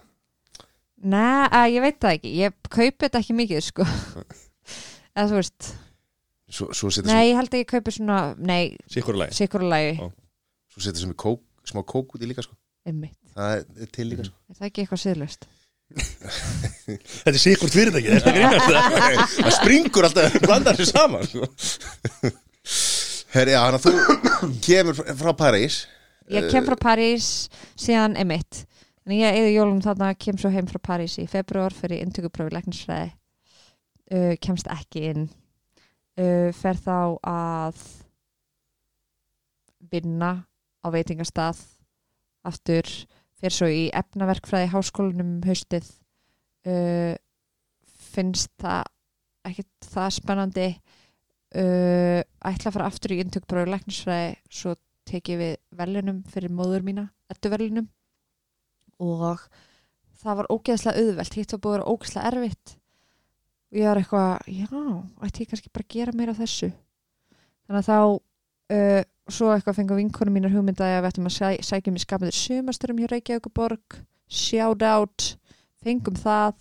Ég byrjaði improv og byrjaði í Reykjavíkudætrum og sóttu mér hraðfréttum. Fannst þér auðvelt að taka við verðlunum fyrir mömmuna ætlaði að fara að gera meira því að Já, það er að vera að taka út í velun Það var að er mega Basically. easy sko. Nei, þú veist að ég var eitthvað svona búin að undirbúa eitthvað, já, ég ætla að segja þetta, þetta, þetta. Og svo fór ég upp á svið og gerði það og allir bara eitthvað, þetta var besta ræðan allt kvöldi og ég er eitthvað já, ok, mér erst miklu auðveldar að semja svona ræða og fara upp á svið og flytja hana heldur en að læra fyrir læknisræð þannig að kannski ætti ég bara að gera og að sjálfsögðu fengið ettu tilnefningu það Já, og ef að bara ef að, Og sa, ef unnið að samherri, samherri, samherri máli hefði ekki verið þá hefði Helgi Seljan ekki, ekki hérna, ekki nákvæmlega! fengið, þá hefði þú unni nákvæmlega, ég fíla þetta viðhorf. Undirbúin. Og hvað er Helgi Selja nú? Já, minn maður sko. Já, það var daldi erfitt að keppa við eitthvað bara að svifta hulun af samherjamálinu versus að vera eitthvað hvernig líður þér? eitthvað í heila Já, brotum þetta var ekki sækjað sko. Nei, það, hérna, þetta, Hvað kom út úr þessu saminamál? Ekki neitt Nákvæmlega. Það er eitthvað að gerast í Ramibíu Já. Einmitt, er ekki búið að reka alla eitthvað í Namibíu og, eða setja í fangelsi og hér er bara eitthvað ekkert að frétta? Æ, ég veit ekki. I don't know. En þetta var erfiður slagur. Ég var samt tilnæmt sem sjónvarpskona ársins á móti Helga Seljan og Helgi Seljan vann skiljanlega Hann hefur verið með einhver leyniskjöl á, á ettu hérna, sá sem að velja þetta sko, það hefur verið eitthvað svoleiðis hann hefur verið með einhver leyniskjöl sko, Þeir, hafa ekki þóra að velja hann ekki sko. það var komið eftir þeim sko. það er bara að fara að uppljóstra einhver um, um fólki Já. Er, er, er, er, er dómnefnd sem velur eða hvernig? það er sagt, Akademían Kvikmynda Akademía Íslands sem ég er núna hluti af. Nei, mm það var að sníka þér þar inn já, Er þetta svona eins og Óskars, þú veist, akademi en einhvern veginn þar er bara af fólki sem að bara, Sem að- emitt, þú bara færð hérna, sagt, ef þú hefur tekið þátt í tveimur sjónvarpsverkefnum, eitthvað svona þá máttu sækja um í kvikmyndaakademíunni, sjónvarps og kvikmyndaakademíunni, eitthvað svona. Og þannig ég sótt um í fyrra, ég fattaði það ég mætti sækja um, ég er eitthvað, wow og þá sem þetta, og allir þeir sem sagt, og það er domnefnd sem ákveður sem sagt, hver eru tilnefndir. Og svo uh, færðu sem sagt, send bara á e-mail og þú veist, link þar sem þú færð uh, hérna uh, hvað heitir það? Hérna, getur hort á allt sem er tilnæmt alla þættina og allt. Þannig að geða þetta næs, ég gæti hort á alla myndirna sem voru hérna, tilnæmda til eddunar eitthvað, hvítu hvítu dagur og Agnes Joy og eitthvað svona. Og svo set kýsmaður inn á og sendir það svo inn Þetta er sem bara stólið frá Óskars akademi Þeir Yeah, sem eru þar, þeir fór sendar allar myndina já, einmitt einmitt. Þannig að, einmitt ég, Þurftur að horfa á þetta alltaf, það er best að bara lesa í svona aftan á þú veist, ég sko sást coverið og já, ég er eitthvað lélegt uh, Mamma er ekki lélegt, þessu Nei, ég horfði alveg á, þú veist, þú veist horfði á allar stuttmyndirnar, horfði á allar bíómyndirnar, eitthvað svona. Svo þú veist, það sem ég náði ekki að horfa á þá bara kaus ég ekki um það, eða þú veist, mér finnst það ekki alveg make a sense eitthvað. Og líka eitthvað svona þegar kom eitthvað svona sem ég bara hef ekkert vita á, eitthvað svona klipp, þú veist. Og ég er kannski ekki búin að ná að horfa alltaf, veist, þá, þá finnst mér bara ósangjant að einhver út í bæ, ég eitthvað mm, ég fíla ég fíla þetta, eða þú veist eitthvað þessi skemmtilegu leikar í þessu, þá ætlum ég að kjósa það sem besta klipp, eða þú veist, það meikar ekki sens þannig að þú veist, þá, ég var bara svona þar sem ég var eitthvað, já, þetta var klálega eða þú veist, ég veit á þessu og þá máttu um skila, skil, skila auðu? Í sumum flokkum. Kaustu sjálf að þið? E, Já, já. Þess vegna fór ég í akademíuna svo ég gerði sem sjálf að mig. Check Heldur að Helgi Seljar hafi kosið sjálf sig? nei, ég held að hann hafi kosið mig. Ég ætti alveg að spurja hann. Ó, Helgi hefur verið pottið, ég var geggjaður í þessu kveikræði já, Ég ætla að kjósa mig. Já. Mér er ekki svo flottir. Ó, ég ætla að spyrja hann, næst í hitt hann ætla að spyrja hann. Kausan potið sjálfan sig? Það ekki, Nei, kaus mig? Já Klárt, er þetta grínast? Hann er kannski, það verður kveikþáttur um það. Hann ljóstar hann upp, Já, uppljóstrun. Á skjáskot af, af kostningablaðinu sínu. Já. Hann kaus mig sig. Ljóstraður sjálf þessi Skjáskota hún í og svo breyta því sko. En hvað hérna Hvað komið sér hugmynda þessi þætti og, og hvað hérna? Heilabrótum Já, ef ég ef að byrja að framabóti. Já, Já. Einmitt líka kannski smá að því við vorum náttúrulega að tala um hana innamenn og lögfræðinga áðan. Það kom um eitt sáþáttur kom einmitt hugmyndin kviknaði á þarna sama tíma og ég var nýbúin að taka við þessum ettuverlunum fyrir móður mína að hérna það var hérna Bravo sjónvarstöðin sem var svona á lífi í halva sekundu munið Mm, eftir, já. Að þá voru þeirra auglýsa eftir sem sagt, hugmyndum að sjónvarsþáttum og ég og vinkonum mín Sigurli Sara við sem sagt, vorum eitthvað, við getum, við erum alveg snöð við getum nú sendt inn einhverja hugmynd að sjónvarsþætti og fáum þá þessa hugmynd að frambúta því við vorum bara rosa mikið á þessum stað sjálfur bara eitthvað 24 ára og þú veist við vitum að það er einhvern veginn það er stöð, búið að vera að segja við okkur allt okkar líf bara þú getur gert hvað sem þú vilt eitthvað, þú veist, þeir eru allir vegir færir. Ertu alveg þannig upp? já, Ok. ekki, ekki þið Jú, sem er ótrúlega þú getur ekki gert æðislegt. neitt. Nei, ég meina þú veist, en samt líka bara svona samfélagi skilur það er bara eitthvað hérna, og maður er að fara á náttúrufræðibraut þegar maður klára mentas, nei, þegar maður klára grunnskóla til þess að loka einhver hurðum að því að, eða dyrum að því að það er, þú veist uh, það er allt í bóði, eitthvað svona. En þá koma þessi, af hverju það er svo mikið að gera í innamennum af því að það er búið að, er ekki búið að þrýsta of mörgum í á einmitt þetta, á náttúrufræðibraut. Já, algjörlega. Það er bara alveg barið í hausnum að minna Það er bara, alltaf að tala um að fara í mentaskóla ekki að fara í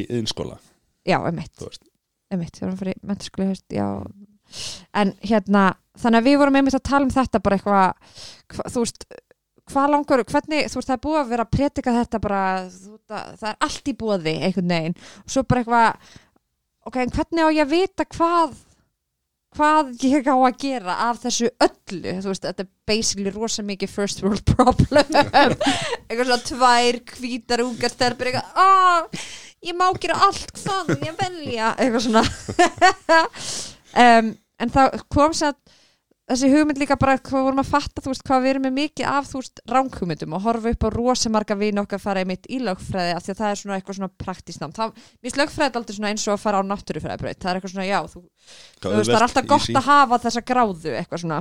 Þægileg innivinna eitthvað mjög bara easy nám nei.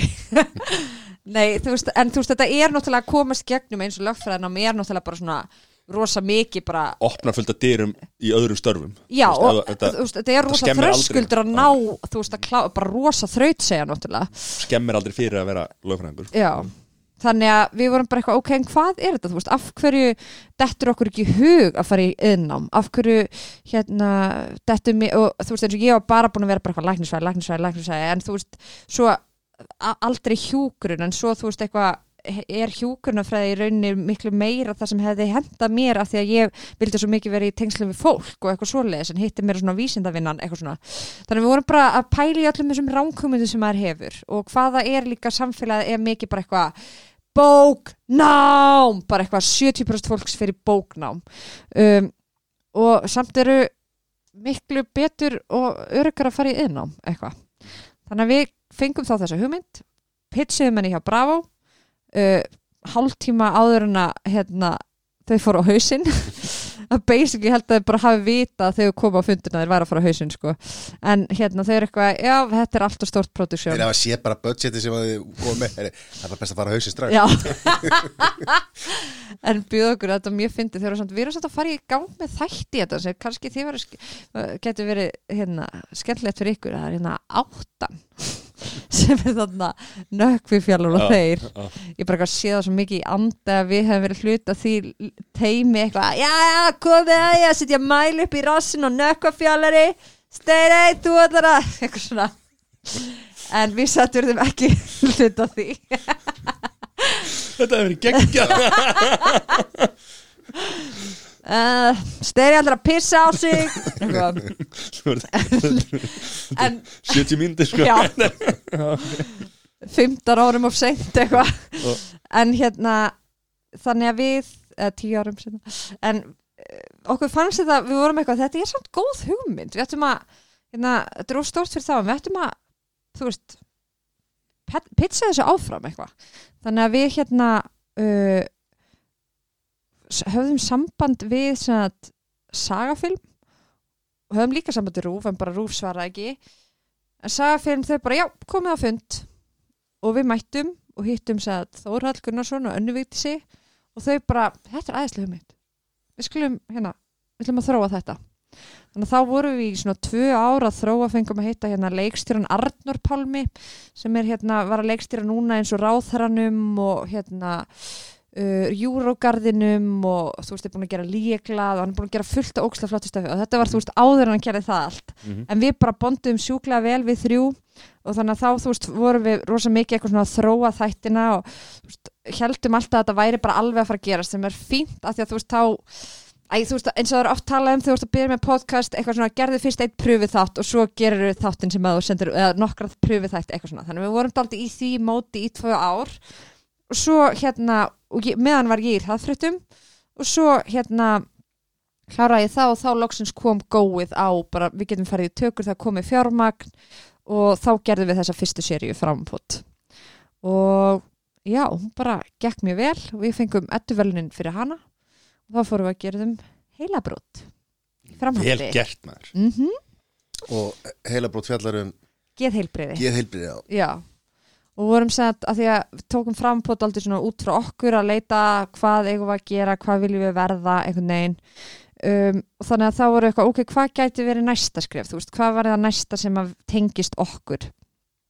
Og þá voru við bara að pæla í þessu einmitt, þessum geðhilbriðis málum bara, við báðar vorum hérna komnar á kvíðalif og vorum báðar einhvern veginn búin að vera hjá sálfræðingum og eitthvað svona að díla við eitthvað sjálfströst og dururu, svona lítið sjálfströst og eitthvað svona.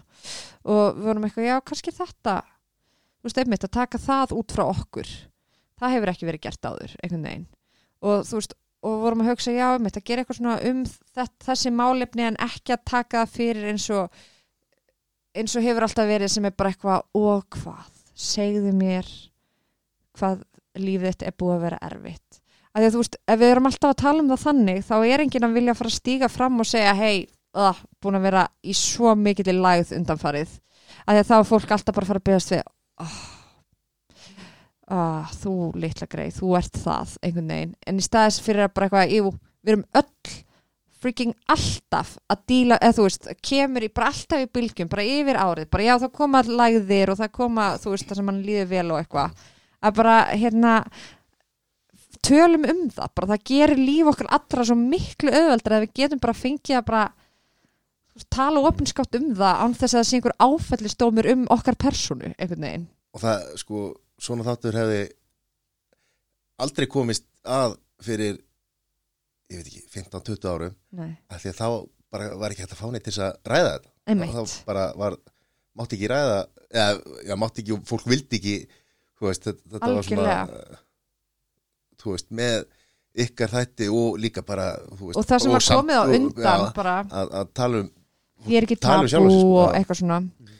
Þannig að algjörlega og við hugsaum það einmitt á tíma bara eitthvað ægi, að því að við fengum þessu hugmynd svo þú veist, tekur alltaf tíma að fara í gegn eitthvað, fá fjármagn og eitthvað, við erum eitthvað ægi, erum við búin að missa af, þú veist hæpinu, eða þú veist, er þetta búið núna? En svo náttúrulega allir út í lokaðar bara eitthvað, það eru allir komnir í fullkomi jafnvægi andlega en, en það var samt líka náttúrulega fínt að því, að því að þá tókum við það líka bara lengra og þú veist, vorum það bara já, fáum bara daldinn skilning á þessum geð, hérna, röskunum og eitthvað svona sem var mjög áhugavert, þú veist, við læriðum alveg bara ógeðslega mikið að gerði þetta sko.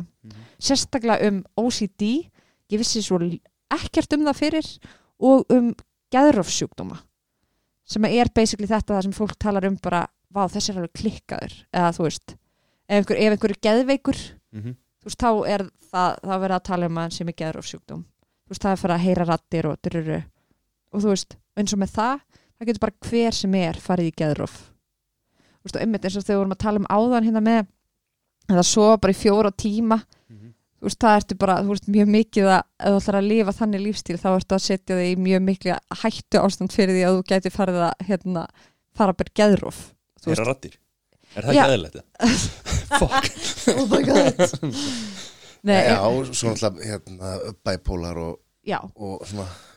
En það er bara svo gott konar. að þunglindi, kvíðir já, bipolar, það eru tvær gerðir það er bipolar 1 og 2 eitt þá er það sem að þá ferði, ferði geðrófsenginni þá er það þú veist að heyra rattir og halda fólk sé að nóstnum þig og þú veist missir tengslu raunveruleikan bipolar 2 þá ferði ekki það en ferði í manjur og geðlagðir eitthvað svona.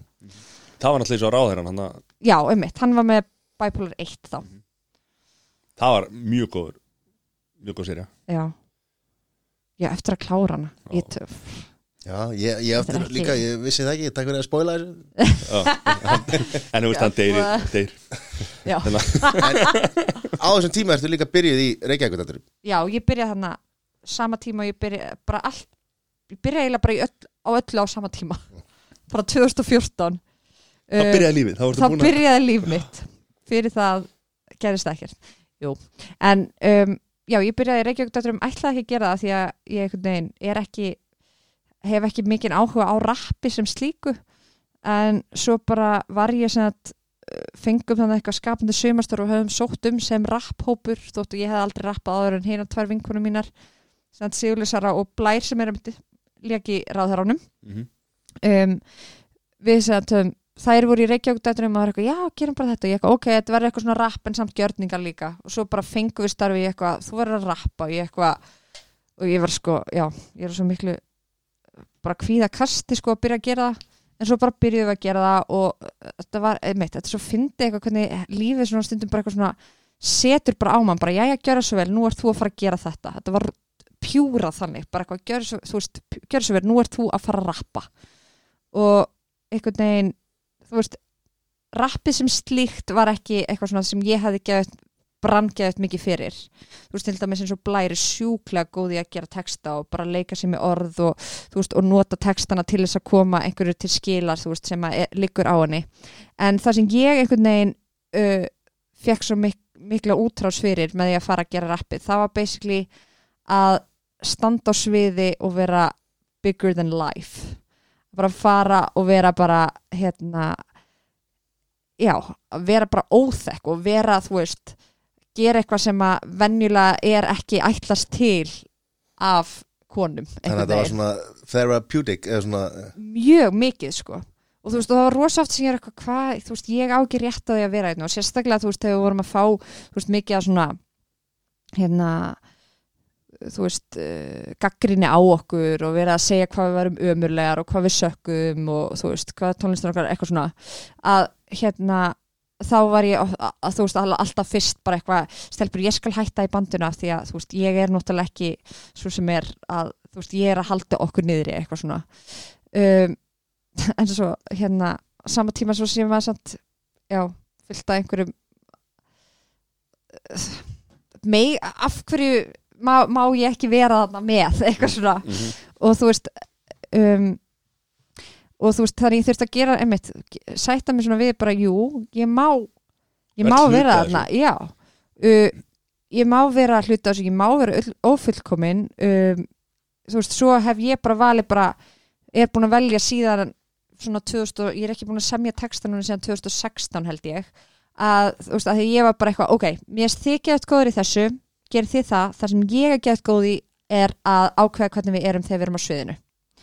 Þannig að ég ætla að pæla í því og svo látið þið mig fá textan en ég er samt mjög sko músikalsk þannig séð, þú veist, ég hef þú veist, og báði fóreldrar mínir líka í hljómsveitum og ég var í hérna, tónlistanámi þegar ég var lítil og eitthvað. Þannig að þú veist, ég er með mjög góðan rithma í mér og þannig. Þannig að hérna, þú veist, að flytja texta þú veist, ég er mjög svona on it þar sko. Um, ég er bara svona að afsaka af hverju ég má vera rappari. Ég lofa. Ég er að standa mig. Hvað? Nú hefur verið gaggrin, eins og þú veist að segja gaggrin á, á Reykjavík-dætur og svona. Hva, Mhm. hvernig finnst þér, hvernig tekur því og hvað hérna sko ég talast um það þú veist, ég veit að maður á ekki eitthvað að henda svona orðum fram eitthvað en hérna mér finnst ég vera með einhvern slæðing af áfallastreituröskun eftir það. Mhm. og það lýsir sér best eins og um daginn þá fekk ég hérna, lendi, var ég í fjölmiðlum að því ég brust inn í sundlaug og, stund, og var að gera eitthvað þar og hérna um, Hvað varst að gera þar? ég mann það ekki. Það stóð í fyrir svona, ég man ekki hvað það var. En hérna Hvað sundlu var það? ég er, ég er aldrei að fara að segja hvað Ekki, þetta var. Af hverju, Nei, ég spyr bara, þú veist, og það var sundtökin bara. Ég hef bara efað sundtökin, já um mitt, nei, af því að það eru öryggismyndavilar þarna. Já. Ég er, þannig að ég er aldrei að fara að opinbera hvað sundli er og einhver eitthvað, já, heyrðu best að kíkja hérna á en það Þetta er, varst ekki bara að æfa sundi Það er veist, það eru eigist allir eftir búin að tjekka á. sko. já, um mitt, vitið hvað tekur langan tíma? Nei, Þetta helsta, veist, þetta er til á upptöku bara ári, allt árið, sko nei, það er ekki til Hei, slakka þess er ég aldrei að fara að segja það sko. Nei, líka, það hefði líka verið gott hann að segja Þetta er bara hana, þú veist, 24 tíma, sko Hvað sundlu var þetta? einmitt betur heldur en árið sko. Hvað er fólk bara að gera þetta í sundi? eða? Hvaða rugl er þetta?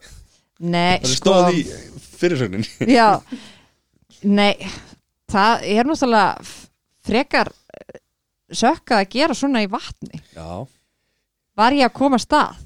já, núna bara fyrst að geti Já, Já. ég hef einhvern veginn alveg farið að missa þetta Er ekki hálf þjóðin getir í blálónu eða allan einhverju tímambúti, kannski ekki í dag en Ekki geta Einmitt, allir eitthvað maður verður að gera, þú veist, sluti eh, hérna. að eitthvað, gera hluti í glá og, Það er og Það er ógæslega, þetta er ógæslega vatn og líka bara það sökkar að ríði í vatni. Þú varst að því? Það var alltaf í gamla dag var, ja, þú veist, var alltaf verið grínst með það að þetta, þarna, hvað átt að vera kísill Já. í blálónu, þetta væri ekki kísill. Það væri, já, Já, vel gert. Næ, Alveg svo er þetta bara rétt. maka sér Ég fram veit bara, mm, Það er ekki eðvegt Já, þú skemmtir alveg söguna. Já, hvað? Þú varst að segja eins og, þú varst að tala um gaggrina og eins og Já, þegar já. þegar Já, já, kemur já. svona atviku Já, svo komum svona En þú sagðir til dæmis frá þessu sjálf, eða ekki? Jú, jú, jú. Já, já. Þannig að það Þannig að, mátti þú alveg veist- búast við því að það er einhver Ég fréttamatur. sko, það, þetta er svo, hafið hlusta á þetta, þetta klipp, nei, Þannig að maður hlustar á klippið í sem, þættinum, einhleip einmann er það leist, þáttur 11 sem heitir utanarmann reynsla. Þetta er, ég veit ekki, eftir 50 mínútur eða eitthvað í þættinum. Þá byrja ég að tala um þetta. Ég átti að gera utanarmann reynslu og ég fer sem þetta um, utanramma reynslu, Já, urr. já, já, já.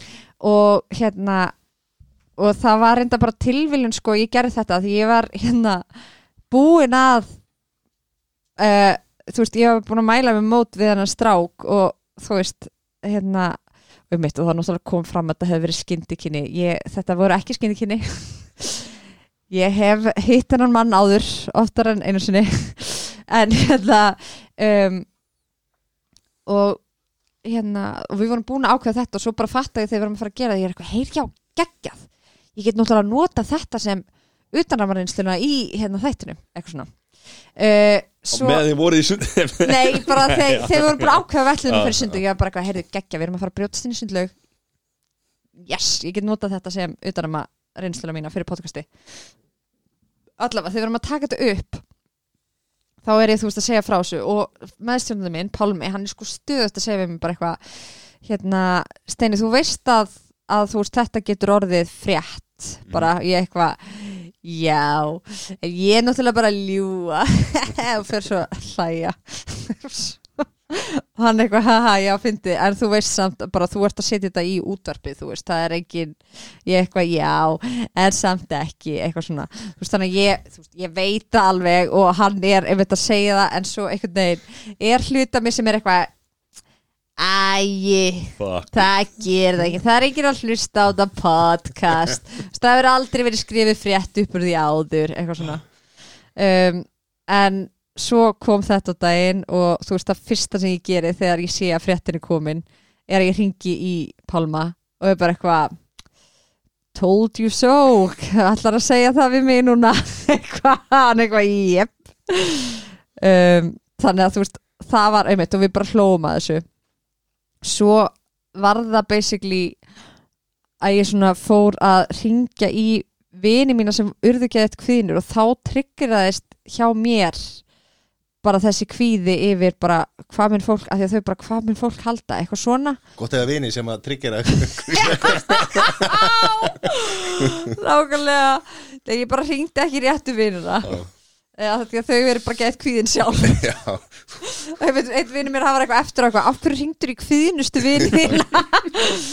En basically þú veist, einmitt, þetta sko en einmitt, ég vildi ekki ringi Reykjavík því ég vissi að þær myndu tryggarast við þetta. Uh, ég tryggar svo harkalega og veist, og það er einmitt, tilfinningar það sem koma fram eru svo engan veginn í samræmi við það sem var að gerast. Þannig að þú veist, það er svona tala ég um og þú veist, það hefur líka gerst einhvern veginn, já, í fyrra þá hérna uh, var annarsvafa að tala um Reykjavík í uppistandinu sínu. Mhm.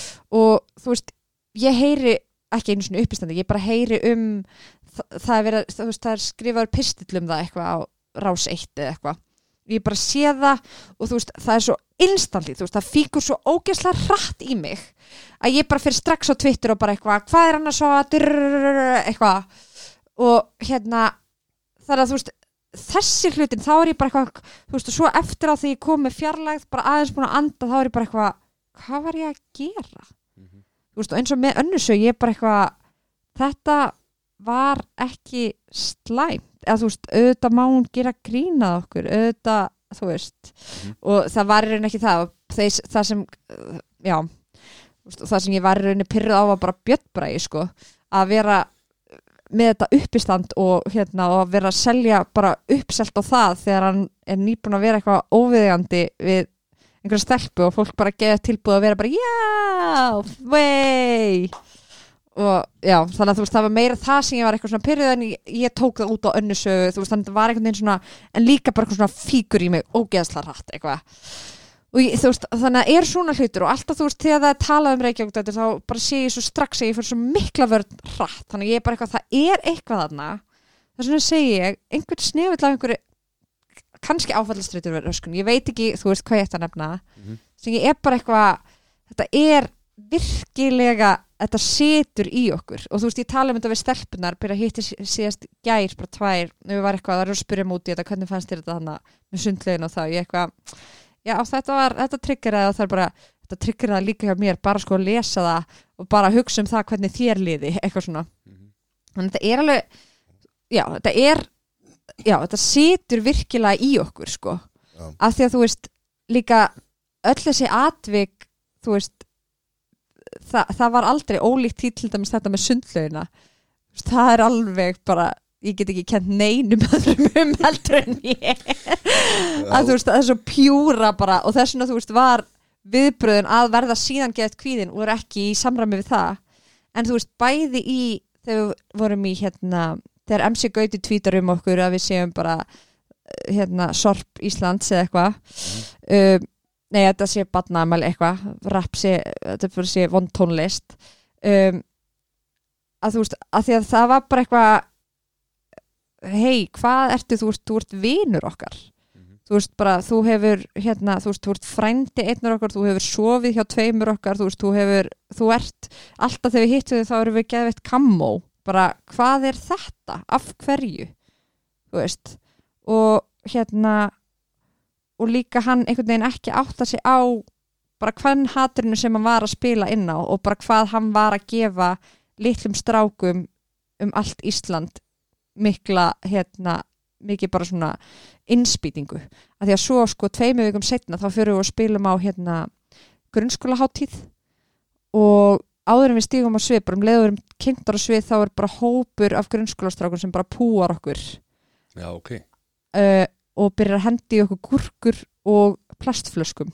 Nei. Bara um leiðu við stígum á svið.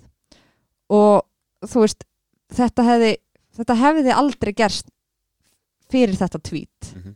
þú veist þannig að þú veist það er bara að því að einhvern veginn En Svo eru bara svo margir sem að henda í eitthvað fyrir fram á tölvuna og er ekki Já. að hugsa ég veit það en þú veist þarna samt einhvern veginn Mhm.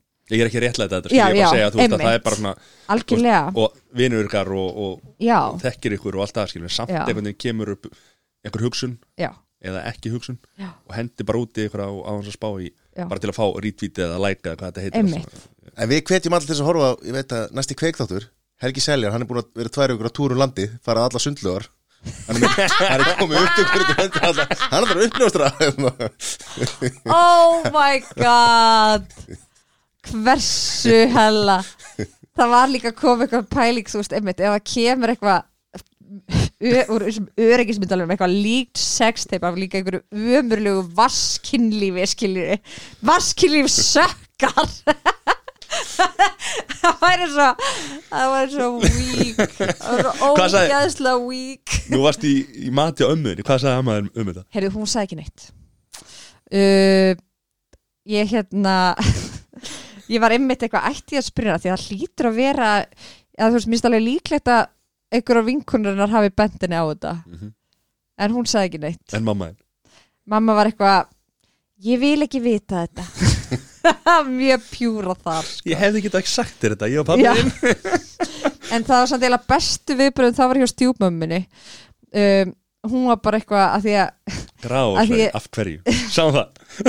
Nei, en sko, af hverju er þetta svona mikið eitthvað gráðar. af hverju er þetta eitthvað svona Ég held að, að, að því að það er ekkert að gerast á Íslandi. Já, Það er bara allir eru að deyja og allir eru öfundsjúkir. Akkur datt mér þetta ekki í hug Akkur er ekki auðvita Akkur er ekki löngum hún að brjótast inn í sundlug Ég bróðist inn í sundlu Já, á, í COVID times. Nei, Nei.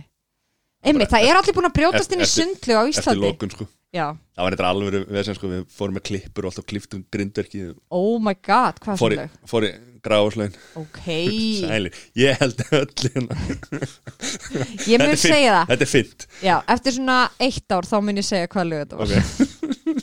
Skulum koma aftur og bara segja þetta var þessi lög. Já.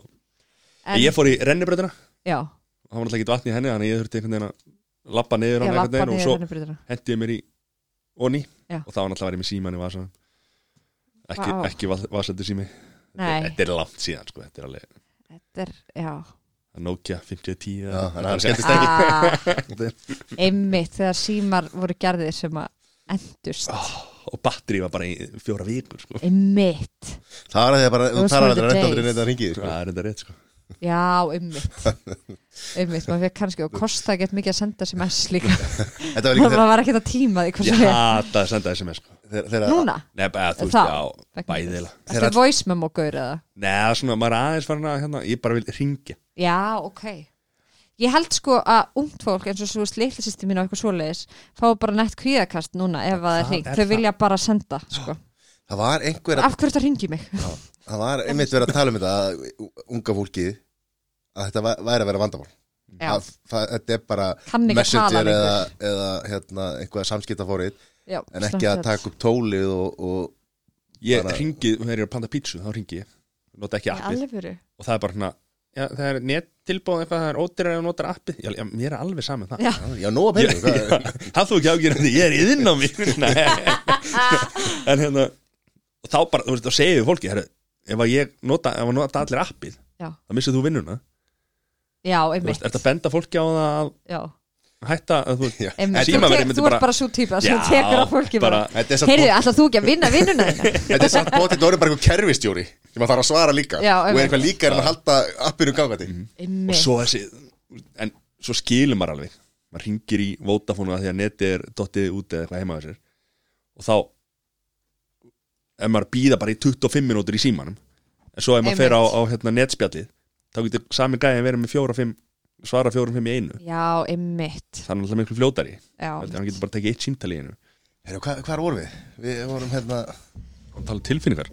Tilfinningar einmitt. Ah, hreif. hvernig komast aftur til útlanda. Já.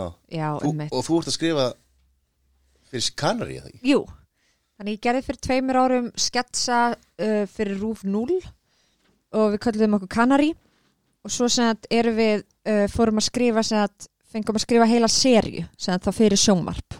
Þar skrifum við staka sketsa. Það voru hvað átta sketsar held ég. Og svo uh, sem eru bara inn á netinu. Og svo erum við núna að gera það sem við gerum bara sex þætti. Þannig að þú veist hverjum þætti eru ég veit ekki átta sketsar eða eitthvað. Verður það á rúf 0 uh, nei, á bara rúf já. og það er það, þessi sami hópur, Kanari og svo sóttum við líka um listamannlaun sem þetta í fyrra og fengum. Og erum þá núna að gera leiksýningu í þjóðleikusinu sem að vera svona sketsasýning. Þannig að ég er búin að vera að skrifa stanslu sketsa síðan í ágúst, byrjun ágúst. Og það er ógeðslega steikt af því að það er COVID og ég hitti engan nema þetta fólk. En hvað, þú mætir klóðan 9 varst tala 9 til 5 Já, við erum reynda búin að vera 10-4 oftast. Það er rosa mikið að vera 9-5 eitthvað uh, eitthvað að reyna að krista út eitthvað fyndi en núna að því að við erum í síðustu síðan tveimur vikunum áður en við tökum síðan daldið langt frí um, þannig að þá erum við að reyna að klára. Þannig að þess vegna erum við að vinna 9-5 núna.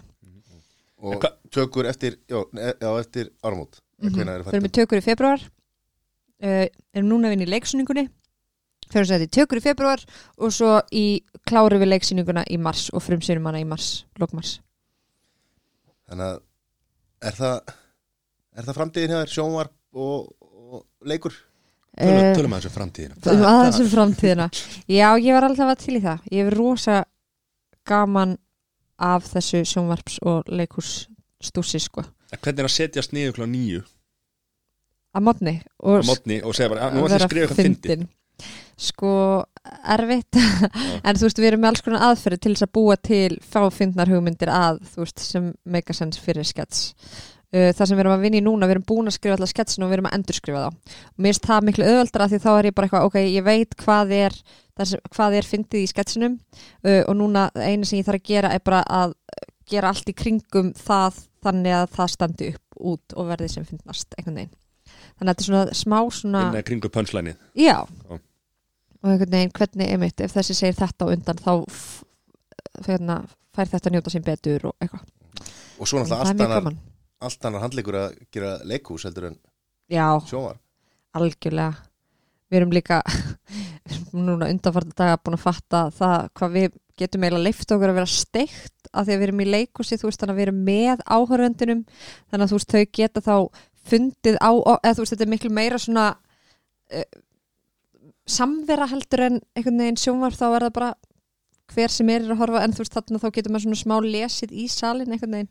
En hvernig verður með leikriti? Já. Því nú er náttúrulega búið að stoppa all leikrit. Já, Færast þau ekki einhvern veginn eða hvað verður um all, já ég er einmitt að pæla í sko, einmitt, núna var verið Ekki að vera að tryggra kvíðan Þetta grínast, þetta er ekki búin að læra neitt hérna. Uh, sko það var verið að leifa núna þú veist 50 manns að horfa á eitthvað með grímur og 200 á milli og eitthvað. Um, einmitt það er náttúrulega bara ógæðislega mörg leikrit sem eru tilbúin og eru bara í starthólum bara að býða að fá að fara í síningu um, en ég held líka að fólk sé bara þyrst í að komast í menningu. Eða þú veist að fara og bara einmitt fara í leikhús og fara á tónleika, fara á eða þú veist þetta bara, maður, allavega fyrir mig þá bara svona það er það sem ég sakna mest að bara eitthvað svona, einmitt sjá menningaviðbur og ég náði að fara á eina leiksningu í september, þegar var svona klárast þú veist, á milli annar og þriðubilginar Mhm. og það var svo geggjað. Ég var bara eitthvað, já, vá hvað þetta er mikilvægt og maður einhvern veginn maður svona gleymir því að, var, að ég var búin að gleyma því í öllum asunum þegar þetta var bara maður, veist, ég gætt gert þetta hvernig sem er og þú veist, en núna þegar þetta tekið frá manni þá er ég bara eitthvað þetta er svo mikilvægt. Við vorum einmitt með Brynhildi Guðjóns, og, hún tók við bara veist, og svo bara klukkutíma Já, setna bara- bara, heyrðu, það er búið að loka leikusinu einmitt Svo þetta að halda fram að sko. Reyka þetta. Já. hvernig ekki það? Einmitt, Svo er úslega bælt allir með grímu. Einmitt. Þetta er svo surrealist sko. Það er búður og svona, það er allir bara Já, uh, nóg með það. Uh, Tölum ekki um þetta COVID Þannig að það þetta er að klárast. Maður er, það er, þú veist þetta er alveg að klárast, það er rosa góð tilfinning. Hvað ferðu oft í eða, leikús á ári? um, oft. Já, það. Eða þú veist, ég reyna að sjá svona flest. Já. Þú ert vantilega aðlinn upp á uh, þú veist, mikið til í leikusinu jú, og sko sérstaklega af því að þú veist, mamma var einstæð með mig stóran part af því að þá var ég svo mikið með henni veist, og þegar hún byrjar í leiklistaskólum þá er ég eins og hálsás þannig ég er mikið veist, með henni þar og svo þegar hún byrjar að vinna í borgarleikusinu þá er ég mikið með henni veist, sérstaklega á kvöld af því að þetta er óvanilegu vinnutími fyrir foreldra skilur af því að það er alltaf á kvöldin. Þannig að rosa oft í staðin fyrir að fá pössun að þá hérna ég, þú veist, tókum ég bara með og ég bara horfði á veist, og sumar sýningar sá ég bara tugi skipta, sko. Uh, og þannig að ég hérna einmitt, þetta er rosa mikið svona þetta, er- þetta er mjög svona kunnulegt umhverfi, leikusið, sko. Og þannig að einmitt, hef séð mikið af leiksningum og, og já, reyna að sjá svona allt sem mér erst spennandi. Ég fer bara allt og sjaldan. Já. En líka, máli er líka, þú veist svo sér maður, sko, leðilegt leikus það er það leðilegast í heimi, sko. En gott leikus er það besta í heimi einhvern veginn, eins og að horfa á lélitt uppistand eða improv það er bara sársökafullt þegar það er vond en svo þegar það er gott, þá er það svo geðvikt En er eitthvað framöndan hjá eða, það er náttúrulega ekki þetta að segja til um það en hvað með Improv Æsland Já, við vorandi fyrir bara þú veist, bara stað um leið og við megum, sko. Við ætluðum að fara stað í haust, svo bara allt hennu var bara mm, það er lokað. Þannig að, en ég held einmitt það, þetta er svona eitthvað sem er auðvelt að vippa fram þegar það má þannig að þú veist einmitt, kannski mættu við getum þess svona hent bara í síningu bara í næstu viku sko. en þú veist að því að Þetta er þetta bara já, þetta er bara búið til staðnum. Mhm. Það er ekki að hérna, semja neitt? Nei, einmitt. Nei, það er svona samt að einhvern andlegan undirbúningi það ekki svona? Í stöðuna? Já, jú, jú, og þú veist einmitt þetta með, þetta er rosa þjálfun sko, þetta er ekki eitthvað þannig að það er alveg eh, við myndum, vilja, við myndum vilja æfa okkur áður við færum að gera það. Og hópur náttúrulega dottir úr æfingu. Já, við erum reyndar aðeins búin að vera að gera æfingur á Zoom með kennara þá í útlöndum og eitthvað svona. Gengur það upp eða? þú, þú veist, þá ertu bara basically að þjálfa bara ákveðin vöðva sem er bara eitthvað, þú veist, hugsunarvöðvin af því að þú getur ekki verið að þjálfa að einhvern veginn lesa í hinn karakterin eða þú veist, eitthvað, gera eitthvað veist, líkamlegt eða eitthvað svo leis þannig að þú veist, jú, jú, það er alveg búið að hjálpa en það er ekki það sama, Er sko. þetta ekki, er þetta ekki uh, yes and? Mm ekki eitthvað, það er réttu með skrú, skrúleikirinn Ég er að setja jólatrí Já, algjörlega. Og réttu með þá serjur Já. bara hvaða er mikill galdur í því að bara eitthvað réttum með skröfleikinni já, og hérna líka hamarinn við ætlum náttúrulega hérna að byggja þetta virki og þú veist, þá varstu bara strax komið með bara, að já, ég er búin að stækka í stað þess að búa til nýja hugmynd þá bara ák- eða, þú veist, þá stækkuðu þessa hugmynd saman og þá verður það bara eitthvað flott í staði fyrir ógislega margar hálfkláraðar hugmyndir Er ekki, hvað er margir í hófnum? 20, 20 manns, 20 manns. Mm í síningarhóp Improv Ísland Hvað ætlar að segja með það? það er fullur hóp kannski. Nei, hérna, þið, ég mæli með sko, ég held að þið, er þetta ekki eitthvað sem þið myndi fíla? Að fara í svona improv, þú veist, á svona námskeið? Við erum að gera þetta alltaf núna hérna bara. Við veitum aldrei hvað þetta maður segja. Nei, hérna, en þú veist, það er líka magna hvað þetta er mikið sko í manni. Og svo þú veist að fá þarna bara eitthvað já, fá einhvern svona orðaforða um það. Og líka bara eitthvað að ná að taka það eins lengra. Þannig ég, ég mæli mjög mikið með sko. Mhm. og þið, hvað, hvað voru það að sína? í þjóðleikuskellaranum Já, já. ég er búin að vera þar í eitthvað fjögur, fimm ár. Og hvað, eigum við vona mörgum eddum í framtíðinni? já, mjög mörgum. Þúsund. Nei, ég er að segja, þú veist, þú veist Tekja á múnd eddunni og þú verið móðina, skilur Þú verið tilnæmt, hvað, tvisvar það ekki? Jú, og unnið hana einu sinni sjálf. Og unnið hann einu sinni? Já, eða, þú veist, Já, ég ég, veist að ég, tilnefnd teki unnið- við, við öllinu fyrir mömmu ég hef unnið hana einu sinni sjálf og svo var ég núna tilnæmt Ég, ég myndi nú segja að það væri Það er frekar gott. góður árangur á ungum aldri. Já, Þú er bara sópar um það. helga hana út. Koma honum fyrir nákvæmlega. Það er ekki bara að gera eitthvað kveik þátt um hann. Hann er með eitthvað. Hann er með eitthvað skít, Það er nákvæmlega. Nákvæmlega því að hugsa sko. Ok, góð hugmynd, Já. ég fíla þetta Hann og Jón Jónsson. Já, Þetta er bara slegið sko. Þeir eru, já, þeir eru par. Eða eða, þú veist, það er Og eitthvað hvað, væri það eitthvað Já, þeir eru að þeir fela eru, sko. þeir eru svona par sem eru með Já, sem er Eru eitthvað Já, Já, 100% Fara ellendis í morðingjaferðir Þetta segja, við erum að skúpa þessu hérna núna Kottum með kveik sándið hana. Herriði Steinei, er bara yndislegt að fá því Já, bara, Og takk á, fyrir mig. Hérna, uh, Einmann og Einmann eirðalaus eiralaus Gekkja Og nafn hérna, Já, það er samt svo Hvað- fyndi sko að segja fólki frá þessu og það er allir bara eitthvað ægi Það er eitthvað, þetta er grín sko. Nei, Nei, og þetta er bara, en hvað hérna Pálmi er vantarlega einhleipu líka ekki? Jú En þú veist, svo samt höfum við alveg verið að Þú veist, þetta er alveg er alls konar, við munum samt halda nafninu sko. Þannig að það er ekki einhver svona pakt ykkur á milli að því að verða að vera einhleip Nei Það hættir ekki, það er ekki bara og þáttur er búinn. En þetta er bara, þú veist, okkur fannst þetta bara fyndið nafn En þetta er basically podcast um það þar sem við erum bara að tala um bara hvernig okkur líður og ekki að reyna að vera með einhverja glansmynd. Okkur fannst vera uh, hérna, hóla í markanum eða hérna, hvað, er hvað segir maður? já, Gati, Gati. Gati í markanum. Já, uh, ekki eins og þáttur okkar. Lítla glansmyndin hérna maður. Sælir. Nákvæmlega, við erum að vinna gegn podcastum eins og ykkar.